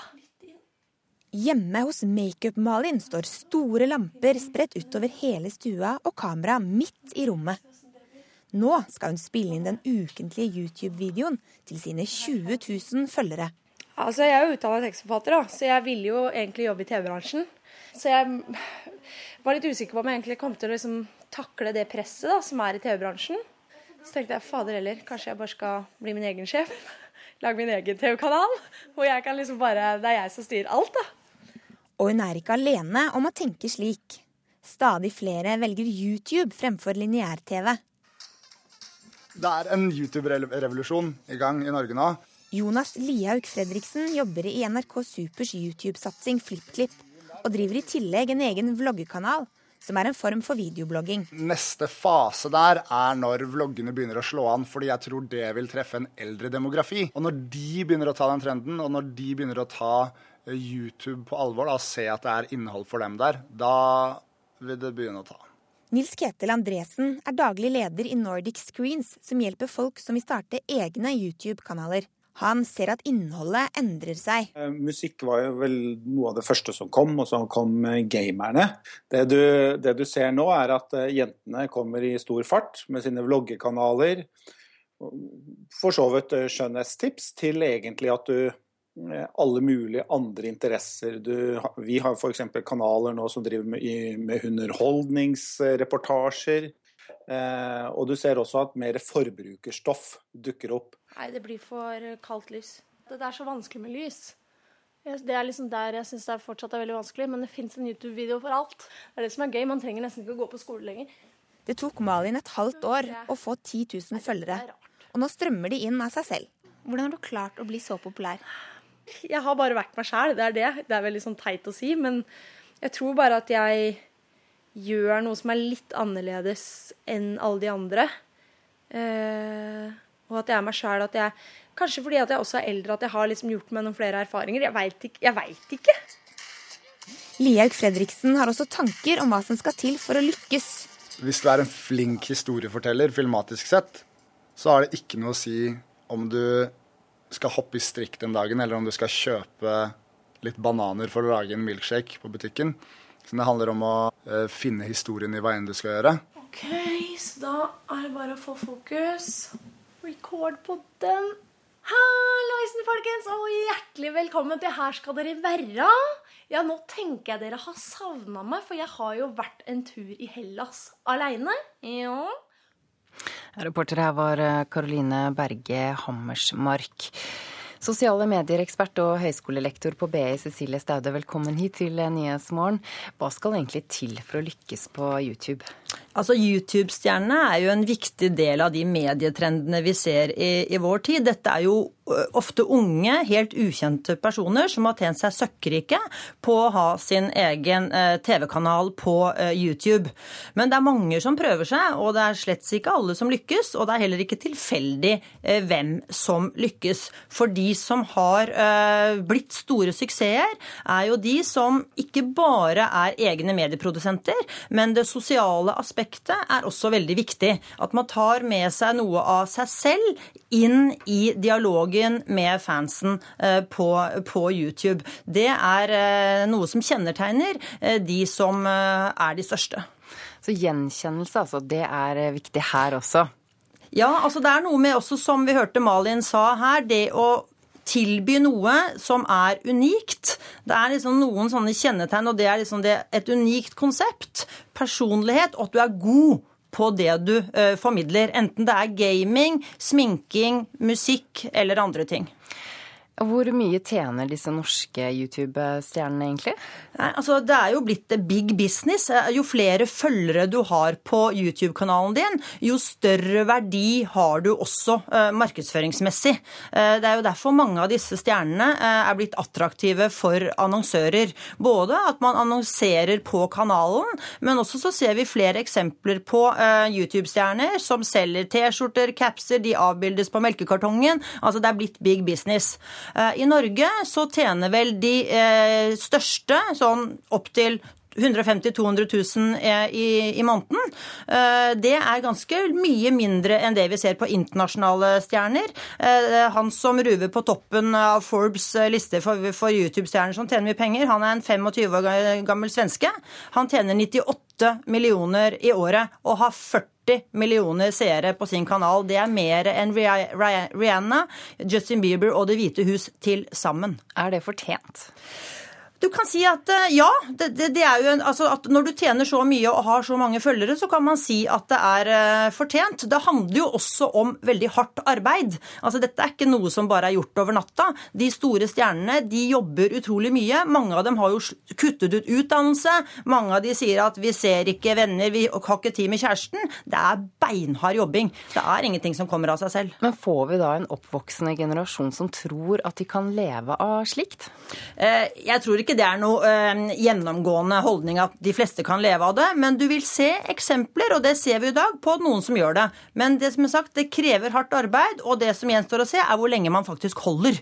Eh, og hvor lenge man kan holde det gående med et sånn type konsept. Jeg tror at en forutsetning for å holde seg over tid, er at du klarer å fornye det. Takk for at du kom til Nyhetsmorgen, Cecilie Staude, høyskolelektor på BI. Og da skal vi eh, over til noen andre stjerner. Poptvillingene Marcus og Martinius hadde sin hittil største konsert i Sverige i går.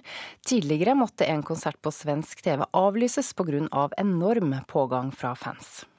Det er jo helt utrolig da, at de måtte stenge parken på begge konsertene der. Vi, jo, vi hadde jo aldri tenkt at det skulle liksom skje, så vi syntes jo det var helt sykt at det skjedde på våre vår to første konserter der. da. Melodi Grand Prix junior-vinnerne Markus og Martinus Gunnarsen har støtt på mer villig entusiasme den siste måneden enn enhver kan tåle. På sin rundtur i Sverige ble først et avtal fans årsaken til nedstenging av Liseberg like før en konsert. Før opptreden på ungdoms-TV-programmet Sommerlov ble avlyst fordi arrangørene, grunnet enorm pågang og oppstyr, ikke kunne garantere for fansen sin sikkerhet. Det var derfor knytta ei viss spenning til konserten deres i går kveld, da de gjesta det tradisjonsrike Allsang på Skansen. Det er så klart mer folk her i Sverige, så det blir jo litt høyere her. Eh, men begge programmene er jo fantastiske. Ja, hörni. De her grabbene som har dratt landet rundt, kan jeg si, de har orsaket sånn herlig kaos og hysteri. Og ja, man skulle kunne si at de her killarna de er varmere enn en lusekofte på reisen gjennom ørkenen. Jeg tror det blir superbra. Jeg gleder meg veldig mye, og så får vi se hvordan publikummet blir der òg. Jeg tipper det blir veldig bra. De to guttene og managementet bak har tenkt mye på utlandet i det siste, og lanserte også tidligere i sommer de første singlene på engelsk. Girls, Heartbeats og I Don't Wanna Fall In Love, etter tre år med sanger på norsk vi ønsker jo liksom dra til så mange land som mulig, da. Det har jo vært utrolig kult å ha konsert i sånn som du sier, USA, Japan borti der. da. Vi har jo ikke sagt nei til på opptre på sånne plasser som det. Det har vært utrolig gøy. Når Åge nylig kom seg til Royal Albert Hall, er det viktig for unge artister å sette seg høye mål. De to tvillingene har satt sine øyne på én favoritt hver. Madison Square Garden. Mm -hmm. Men alle landene er så fine, så jeg kan ikke si ett land, liksom. liksom drømmeplassen min å opptre på, det er jo Wembley. Det syns jeg har vært kult å opptre. Så det har vært utrolig kult, da. Vi håper jo at det varer så lenge som mulig, og at vi får lov til å oppleve så mye som mulig som vi gjør nå. For det er jo helt utrolig, da, det vi får oppleve. Opp mot juletider i år kommer de òg med sin første bokutgiving. En biografi som dekker de hittil fem første åra av deres karriere. Vi skal komme med masse rart, mye nye så osv. Album. Så det blir veldig gøy. Vi kommer ut med mye, mye kult i ettersommeren. Og eh, konserten i går, vel, de ble godt mottatt der også. Vi bjuder på artister som Lale, Niklas Strømstedt, Elin Rombo, Alexandra Døhle, Daniel Nordberg og Markus og Martinus. Reportere var Magnus Lutnes Aas og Andreas Hatzel Opsvik. Tarzan er tilbake på kinolerretet, etter å ha vært nærmest fraværende siden Disneys animasjonsfilm på slutten av 90-tallet. Denne gangen er det med svenske Alexander Skarsgård i hovedrollen som den langhårede jungelhelten. Men vår anmelder er ikke helt fornøyd med den nye inkarnasjonen. Tarzan. The Legend of Tarzan er en tam film om jungelens konge. Regissør David Yates byr på rikelig med slagsmål, spesialeffekter, romantikk og muskelspill, men historia blir aldri spennende, og to av filmens store stjerner, Samuel L. Jackson og Christopher Waltz, er redusert til slappe og karikerte versjoner av sine signaturroller. Som underholdningsfilm holder den seg lenge flytende pga. et høyt tempo, men actioneventyret synker til slutt i en spektakulært dårlig siste akt, hvor effekter og usannsynligheter slåss om å rive meg ut av fiksjonsuniverset.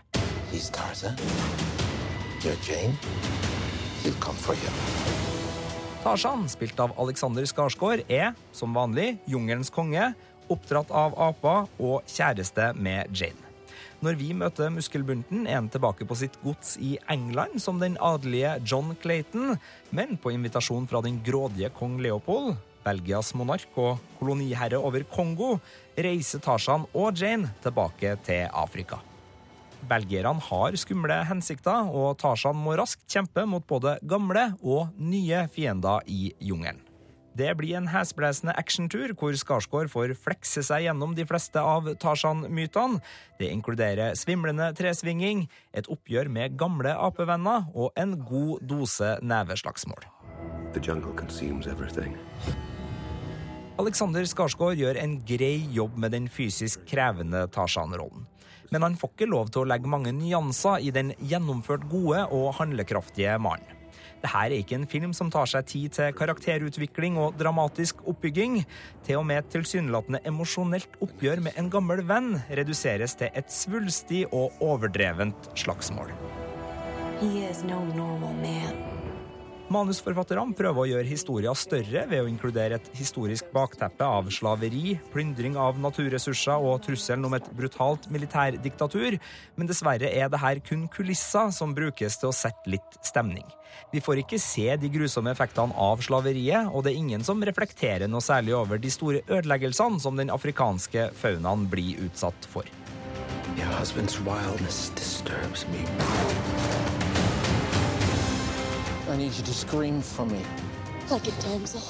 En del av filmens budsjett har blitt brukt til imponerende effekt. Spesielt den første delen av Tarzans jungeljakt er kreativ og svimlende god lianemoro. Og et møte med en elefantflokk gir en finstemt scene hvor dialog, skuespill og spesialeffekter spiller på lag og gir hjertet til et magisk lite eventyrøyeblikk. Dessverre er det altfor få av dem her i The Legend of Tarzan. Dette er en film som ofrer stemning og innlevelse for pompøse actionsekvenser, og når verken skurken, vitsene eller spenningskurva er av forventa Hollywood-kvalitet, så havner denne Tarzan-filmatiseringa langt unna legendestatus. Terningkast 3. Anmelder var Sigurd Vik, som ga terningkast tre til den nye Legend of Tarzan. Og du kan lese flere anmeldelser på våre nettsider nrk.no film.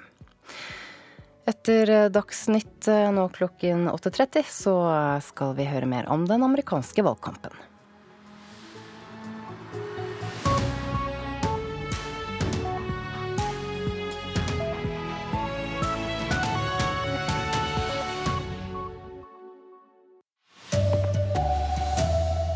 Storbritannia kan få et eget brexit-departement etter statsministerskiftet i dag. Og norske Marcus og Martinus sjarmerte 18 000 i Sverige i går. Her er NRK Dagsnytt klokka 8.30. I dag får britene ny statsminister, Theresa May. David Cameron trakk seg som leder for det konservative partiet da det ble klart at et flertall av britene røysta for ei utmelding av EU. Og det er venta at vi kommer til å gjøre store endringer i regjeringa, sier vår reporter i London, Gry Blekastad Almås. Det blir sagt at uh, Theresa May sannsynligvis kommer til å uh, ta inn mange kvinner i regjeringen. Det er per i dag uh, litt mindre enn en tredjedel kvinner i regjeringen. Det er forventet at hun kommer til å nærme seg eller ha 50% kvinner. Det blir snakket om at hun kommer til å opprette et eget brexit-departement. Altså et eget departement med en egen statsråd som skal håndtere denne utmeldingen av EU og forhandle nye avtaler med med eh, både EU-systemet og enkeltland for å sikre en god økonomi i Storbritannia framover. Og så er det selvfølgelig eh, vanlige bytter av statsråder, hvor hun ønsker å ha sine folk rundt seg, og hvor hun også sannsynligvis må ta hensyn til eh, denne splittelsen. At hun tar kanskje inn noen av de som sto på andre sider enn hennes i EU-spørsmålet, for å forene både parti og folk. Seks eh, politifolk er straffa med bøter etter vådeskudd. I løpet av den perioden politiet bar våpen, ble det fyrt av minst 25 vådeskudd. Spesialenheter for politisaker har etterforska 15 av disse sakene, og i seks av tilfellene er konklusjonen brudd på straffelova. Det skriver VG. Poptvillingene Marcus og Martinus hadde sin hittil største konsert i Sverige i går. Om lag 18 000 var til stede da duoen opptrådte på det svenske TV-programmet Allsang på Skansen. Vi bjuder på artister som Lale, Niklas Strømstedt og Marcus og Martinus. Melodi Grand Prix junior-vinnerne Markus og Martinus Gunnarsen har støtt på mer villig entusiasme den siste måneden enn enhver kan tåle. Før opptreden på ungdoms-TV-programmet Sommerlov ble avlyst fordi arrangørene ikke kunne garantere for fansen sin sikkerhet. Det var derfor knytta ei viss spenning til konserten deres i går kveld, da de gjesta det tradisjonsrike Allsong på Skansen. Det er så klart mer folk her i Sverige, så det blir jo litt høyere her. Eh, men begge programmene er jo fantastiske. Reporter Andreas Hatzel Opsvik, NRK Dagsnytt Silje Sande. Til USA nå i Nyhetsmorgen.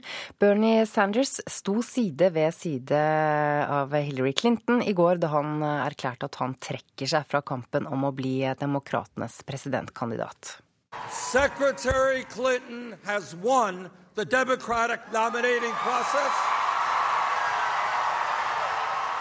She will be the Democratic nominee for president, and I intend to do everything I can to make certain she will be the next president of the United States. Ja, velkommen hit USA-ekspert og førsteamanuensis ved Bjørknes høgskole, Hilde Restad.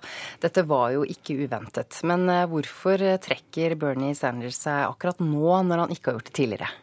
Det har jo tatt ganske lang tid. Eh, I 2008 så tok det vel noen dager fra det ble klart at Hillary Clinton hadde tapt til Barack Obama før hun stilte seg bak Barack Obama. Og det her har jo tatt nesten en måned. Men har eh, Bernie Sanders er jo eh, en politisk nerd som bryr seg om politisk resultat. Og de har drevet og forhandla om det som kalles for plattformen til partiet. Det som skal presenteres nå på landsmøtet i Philadelphia. Og han har ønska å få eh, en del innrømmelser fra Clinton Lane i Det demokratiske partiet for eh, politiske standpunkt som han har vært for, særlig da ting som relaterer seg til helsereform og høyere utdanning. Ja, Hva annet er det han har oppnådd med å fortsette å kjempe så lenge mot eh, Clinton? Det, det er det litt debatt om. Det virker som om mange politiske analytikere i USA mener at han kunne ha oppnådd mer hadde han stilt seg bak henne tidligere. Eh, og eh, samla partiet eh, på et tidligere tidspunkt mot Donald Trump. Det er nok mange som mener at det har gått veldig lang tid, og at han har vært uvanlig bitter og ikke ville innse at han har tapt. Men så er det også mange som mener at det Bernie Sanders har oppnådd, også er veldig spesielt. Du tenker på det at han har kommet så langt som han kom? Med såpass venstrevridd politikk i USA? Ja, det er klart at han har han, hans eh, kandidatur var jo egentlig helt fantastisk. Eh, og det har jo revet med seg veldig mange. Og det Bernie Sanders har klart, er jo å få veldig mange unge til å komme ut, engasjere seg og stemme. Um, og det er klart at eh, han hadde jo svære rallies med tusenvis og tusenvis av mennesker. Og det er klart at når man, når man ser et sånt resultat, så er det kanskje ikke så lett å gi seg med en gang heller. Ja, hvordan skal Clinton nå klare å vinne disse Sanders-tilhengerne? Nå har det, hennes valgkamp har akkurat ansatt Bernie Sanders, sin, han som var eh, direktør for å eh, klare å Eh, få universitetsstudenter til å komme og stemme. Og denne unge velgergruppa er jo kjempeviktig, og de stemte jo overveldende for Bernie Sanders. Så her er det klart at her kommer Hillary Clinton-valgkampen til å virkelig sette inn støtet. Hvem tror du blir Hillary Clintons eh, visepresident?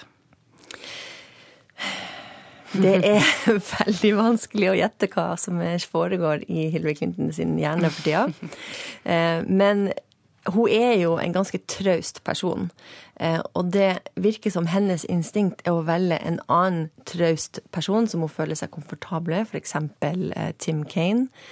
Eh, men så er det jo veldig mange i partiet som ønsker, særlig dem på venstresida, som virkelig ønsker at hun skal se til venstre og kanskje velge noen som er litt mer engasjerende, som får opp temperaturen igjen etter Bernie Sanders, som f.eks. Elizabeth Warren. Men det ryktes at deres personlige kjemi, eh, Hillary Clinton og Elizabeth Warren, ikke er så veldig god. Må spørre deg også, da. Kommer Sanders til å få en ministerpost?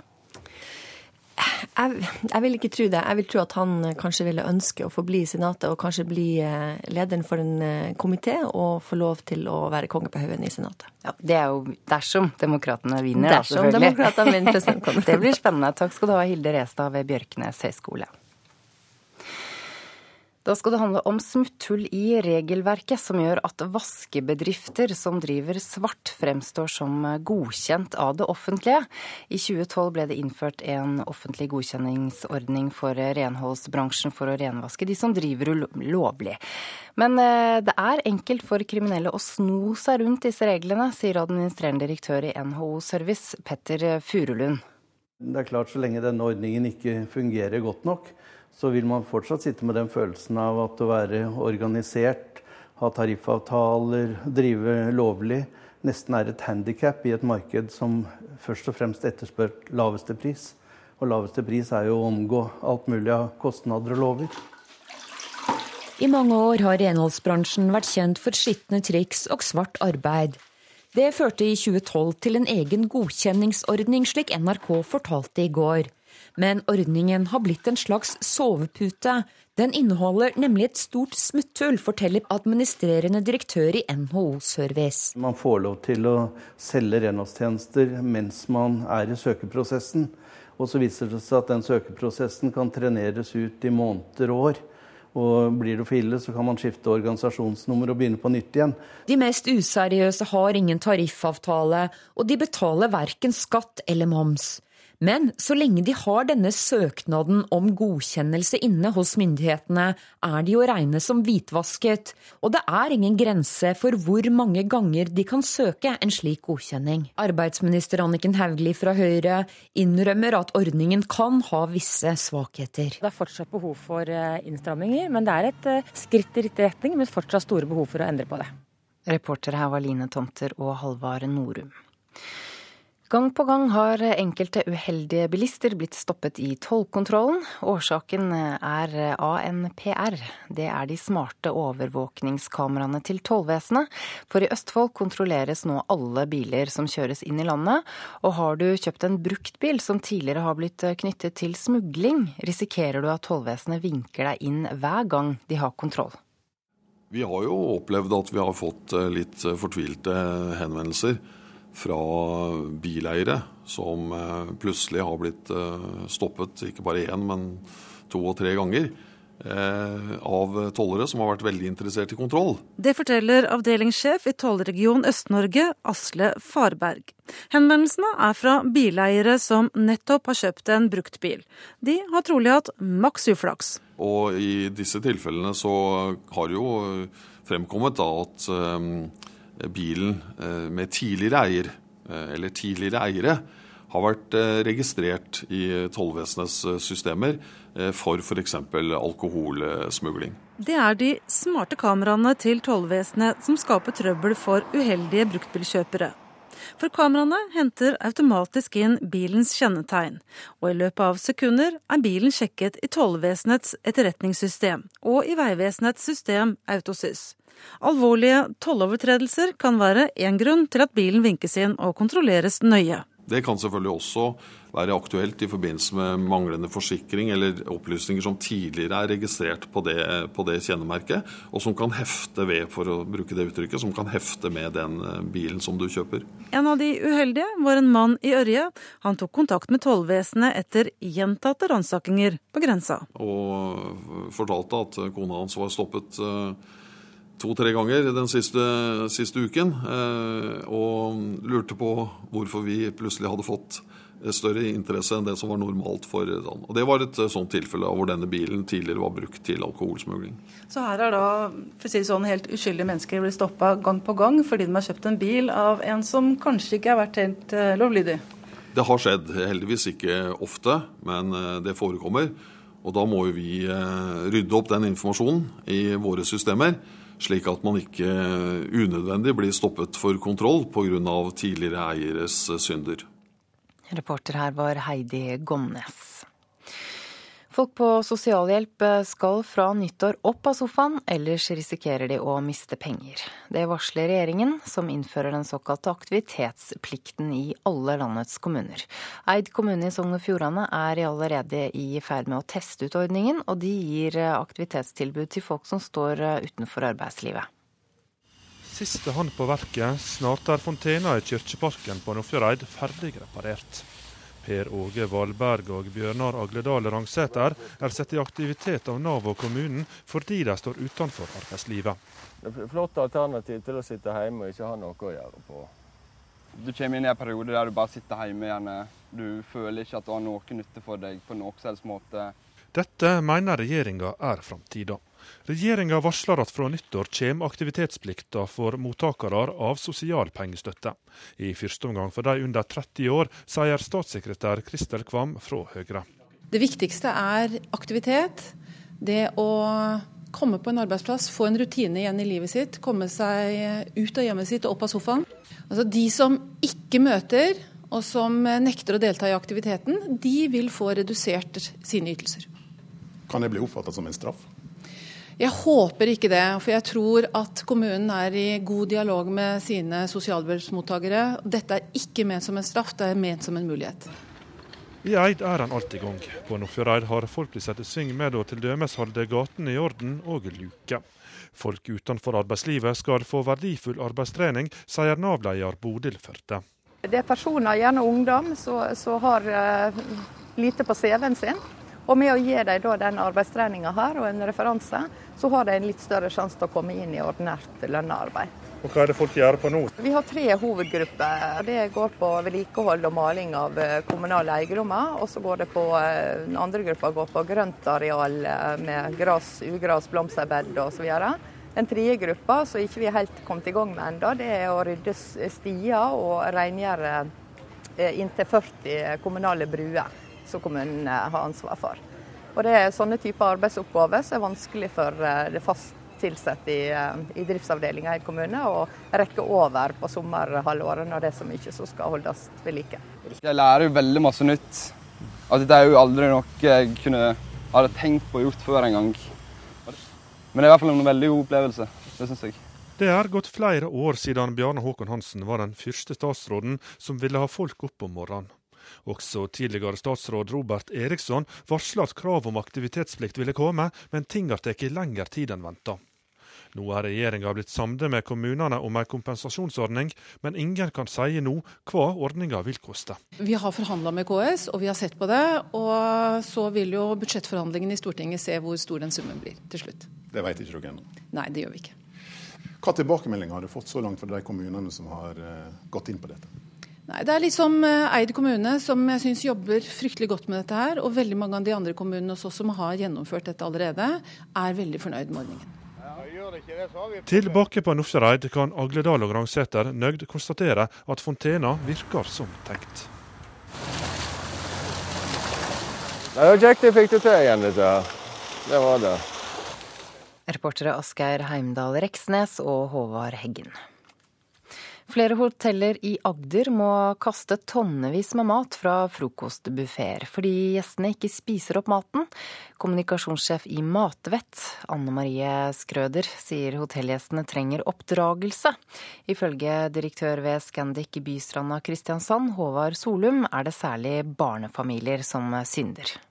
Vi trenger absolutt litt oppdragelse på en positiv uh, måte. Så det er jo det Matvett jobber for hver dag, er nettopp det at få hele verdikjeden til å tenke mer over hele den uh, ressursutnyttelsen som går i hele verdikjeden. Da.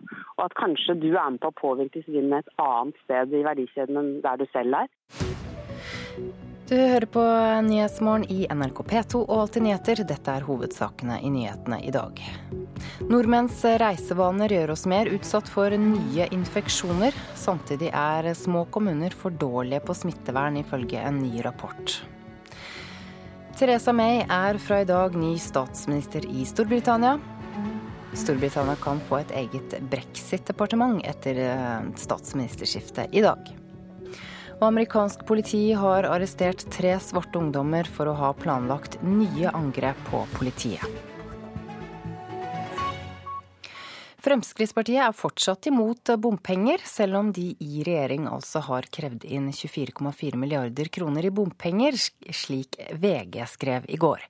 FrPs eh, Bård Hoksrud sier at det var han som i 2013 kom med valgløftet om å gjøre Norge bompengefritt. Nei, nå var det meg som sa det. Eh, og det er klart at i forhandlingene eh, med Høyre i første omgang om regjering, og for så vidt de to samarbeidspartiene, så tapte vi det slaget om å fjerne alle bompengene. Hjertesaken til Fremskrittspartiet kokte altså bort i regjeringssamarbeidet. I går skrev VG at ingen annen samferdselsminister har krevd inn så mye bompenger som FrPs Ketil Solvik-Olsen. I løpet av hans 1000 dager i regjering har bilistene betalt inn 24,4 milliarder kroner ved bompassering. Men Hoksrud mener Frp har jobba for saken i regjering.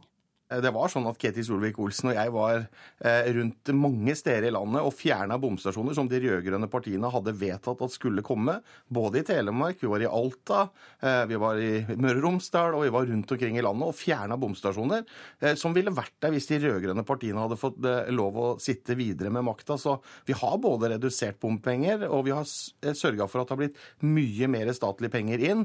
Altså både redusert bompenger og økt bompenger. Hoksrud forklarer. Man viste at samferdselsministeren, denne samferdselsministeren leverer mer bompenger enn det noen andre har gjort. Jo, men Det er jo fordi at man har bygd mange flere nye prosjekter. Så selv om man skulle sagt nei til å starte med bompenger nå, så ville det fortsatt vært at det ville blitt det. fordi veiprosjektene er jo 10-15 års nedbetalingstid, og kanskje opp mot 20 år. Men mener da Frp at bompenger har ført til noe positivt her i landet? Det er jo ikke tvil om at det blir mer vei, men jeg vil jo ikke si at bompenger er positivt. fordi bilistene betaler allerede inn masse skatter og avgifter som vi mener at, at enten så må man gjøre det ene eller det andre, og derfor er vi imot bompenger fordi det er en ekstraskatt på toppen. Men heldigvis, de ser også at man har en regjering som aldri har, har blitt satsa mer på å bygge veier eh, og jernbane for den sakens skyld, som det er nå med Ketil Solvik-Olsen. Og organisasjonene de jubler jo for at de endelig har fått en samferdselsminister som virkelig leverer varene og sørger for at det blir mer vei. Så selv om bompenger i seg sjøl er svartelista i Frp, liker de resultatet i andre enden. Men å garantere et bompengefritt Norge med Frp i regjering, det vil ikke Hoksrud gjøre igjen. Vet du hva? Det er sånn at Vi må ha et flertall i Stortinget. Hvis Fremskrittspartiet eh, blir, eh, får flertall, så kunne man gjort noe med det. Det har vi ikke fått så langt, men det er opp til velgerne nå å sørge for at hvis Fremskrittspartiet blir sterkere ved valget i 2017 Reporter her var Eva Marie Bulai.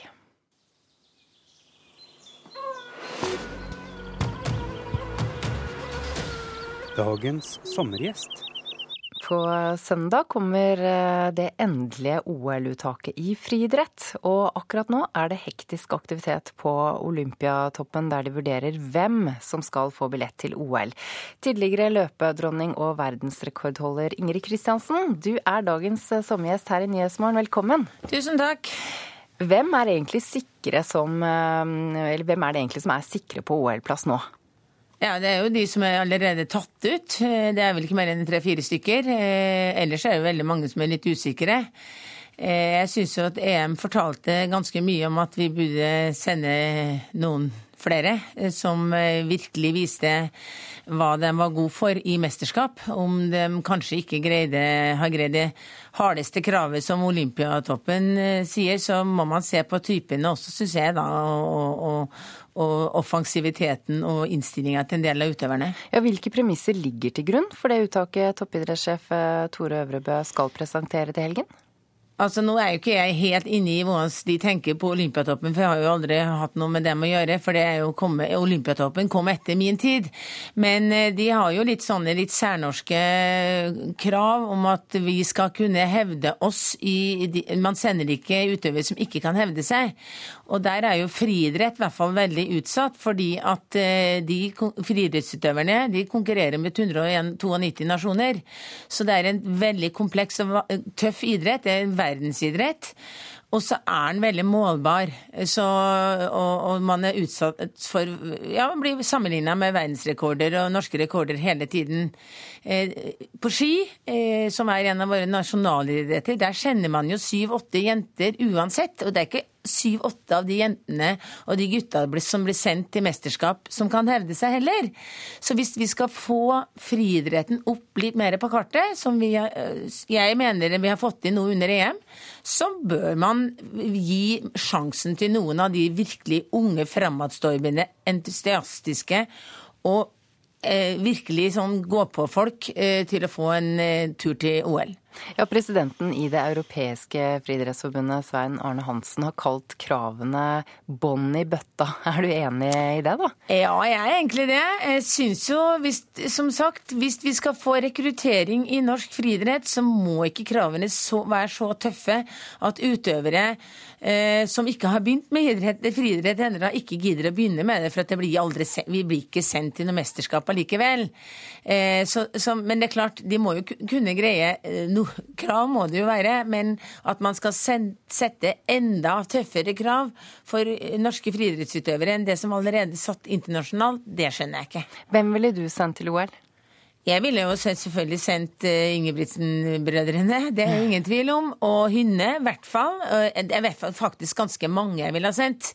Eh, det som jeg syns er en av de verste tingene da, som har skjedd eh, med uttaket til OL, det er jo at Erik Tysse han ble tatt ut i første instans. Og den, den, logikken skjønner jeg heller ikke, når da utøvere som virkelig viser kjempeprestasjoner under EM, må vente og vente for å kanskje bli tatt ut. Det er et signal som jeg syns er ikke bra fra ja, Olympiatoppen. Hva tror du ligger bak det, da? Jeg vet ikke. Jeg syns det er veldig rart at vi nordmenn som er så veldig kritiske til dopingutøvere fra andre land, eh, tar, altså, så tar vi ut en dopingdømt utøver ved første uttak. Det syns jeg er veldig rart. Eh, vi har akkurat lagt bak oss et sterkt EM i Amsterdam med tre norske medaljer til Karoline Bjerkeli Grøvdal og Filip og Henrik Ingebrigtsen. Eh, hva kan vi vente oss av friidrettstroppen i OL, tror du? Det er klart at friidrett, som jeg har sagt, er en kjempetøff idrett. Den er veldig målbar, og den drives over hele verden. Eh, jeg tror, Sånn som Ingebrigtsen-brødrene, de er veldig mesterskapsløpere. Og skal ikke se bort ifra at det, det, vi kan bli overraska over at de får til noe veldig stort. Karoline eh, syns jeg har vist veldig gode takter nå i de senere tida. Hun virker offensiv, hun virker glad, fornøyd og er virkelig på hogget. Eh, men det som er så synd med, med lange løp, det er at det er så Det løpes på en helt annen måte enn det som ble løpt under EM. I EM var det et jevnt, bra, hardt løp som eh, som Karoline har gått av. Hun, hun kan springe jevnt hardt. Eh, men, men, jeg vet ikke hvordan løpet blir i, i, OL. Det kan fort bli sånn luffing til eh, to runder fra mål, og da er det vel litt tøffere avslutning. Betyr det at vi ikke har noen særlige medaljesjanser, tror du? Jeg tror vi skal være nøktern, og hvis Karoline kommer blant de fem-seks beste, så syns jeg vi skal være veldig fornøyd med den prestasjonen. Vil du si at norsk friidrett er på vei tilbake etter et par uh, tunge sesonger, Ingrid Kristiansen? Ja, altså sånn som uh, jeg har sittet og vært tilskuer under EM i år, så syns jeg at det har blitt en litt ny giv i troppen. Det er mange utøvere som er, som er offensive og veldig tøffe typer. veldig morsomt når de blir intervjuet. De er ikke sånn forutsigbare. De kommer med uttalelser og innspill som er veldig veldig ålreit, syns jeg, da. Fordi at jeg har vært en sånn utøver selv. Eh, jeg savner jo liksom litt mer offensivitet i den idretten som jeg kommer fra enda lengre løp enn 10 000 meter. Eh, der har vi litt å hente enda, men de kommer sikkert etter dem òg. Ingrid Kristiansen, tidligere løpedronning og verdensrekordholder, takk for at du var vår sommergjest i dag. Takk for at jeg kom med. Og da har vi også fått besøk av statsmeteorolog Bente Wahl. Kraftig uvær på Østlandet laget eh, en del problemer i går også. Det var både strømbrudd og stengte veier. Hvordan eh, ser det ut i dag? Nei, sånn som For eh, Østlandet sin del så er det vel litt samme været vi kommer til å få. Disse bygene er jo uforutsigbare, og tordenbygene kommer nok til å fortsette i dag også. I går var det Nord-Norge som fikk nyte finværet. Fortsetter det slik i dag? ja, der ble det varmest i landet i går. Og de, både Indre Troms og Indre Nordland fikk jo da 25 grader. Men eh, det var nok den varmeste dagen i denne omgang, for nå er det kjøligere på vei, luft på vei, og det blir nok mer skyer også. Og hvis vi da starter helt nord i landet, eller i hvert fall nord i våre områder, Spitsbergen, så blir det ganske skyet der òg. Litt regn av og til. Og ellers eh, for det meste bris, eh, liten kuling i sør og øst. Finnmark så regna det litt i går, i hvert fall i Øst-Finnmark. Og denne nedbøren den er på vei vestover mot Troms. Kommer nok til å nå Nord-Troms i løpet av dagen, mens resten av Troms stort sett får skyet oppholdsvær. Og som sagt så blir det kjøligere. Tror ikke Troms, eh, Tromsø får noe særlig mer enn 15 grader i dag. Nordland eh, får vel ikke så aller verst vær. Kan gå noen spredte byger i indre strøk og litt mer skyer da på Helgeland og Vesterålen. Men eh, ellers fortsatt mye oppholdsvær, men eh, temperaturene de går gradvis ned, og da særlig på kysten i første omgang. Møre og Romsdal og Trøndelag ganske skyet i Trøndelag og en del byger og regn rundt Trondheimsfjorden. Lenger sørover kommer mot Sunnmøre, og bedre vær blir det og færre byger, men litt kjøligere her også. Og Vestlandet sør for Stad. Eh, noe byger. Eh, vesentlig blir det nok i indre strøk, og det ser ut til å bli ganske bra i ytre strøk mange steder. Her endrer det seg ikke så mye temperaturene, men de ligger nå stort sett under 20 grader. Og så er det Østafjells da, og fjellet som får disse bygene. Og særlig ikke så mange i fjellet, men østafjells kan det da komme lokalt kraftige tordenbyger. Og det kan fort komme en 10-20 millimeter i en kraftig byge, så noen føler at det blir eh, veldig vått, mens andre tenker at dagen ble vel egentlig ganske grei. Og vi får det nok kanskje varmest i dag med en 2-23 grader, tenker jeg. Jeg må bare spørre kort til slutt. Hva syns du om den norske sommeren hittil i år? Nei, nå har jeg vært heldig og vært to uker i Italia, så sånn sett så har sommeren vært bra for meg. Men eh, det er ikke så mange damene med tordenvær før man tenker at nei, uff, dette er litt stusslig. Det er enig i det. Ja. Takk til deg, statsmeteorolog Bente Wahl. Det er eh, Nyhetsmorgen du har lyttet til. Ansvarlig for sendingen har vært Anne Skårseth. Teknisk ansvarlig Frode Thorshaug. Produsent Katrine Nybø. Jeg heter Ida Creed.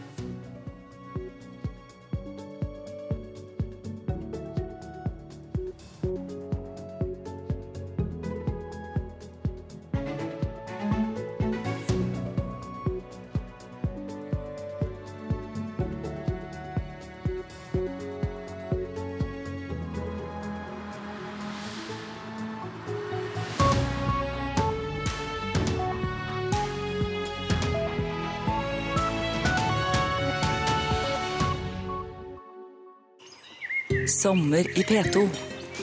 Jeg heter Kristin Danielsen. I mitt Sommer i P2 skal jeg snakke om bøker og bibliotek, om reisen fra Arendal til Broadway, om å ta risiko, og om hvorfor det er en dårlig idé å ha på seg nedbretta gummistøvler når du skal danse breakdance. Sommer i P2. I dag klokken ti.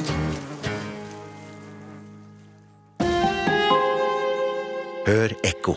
Bibelen, Koranen og andre religiøse tekster forteller oss hvordan vi kan oppnå gode liv og harmoniske samfunn her på jorda ved å følge Guds ord.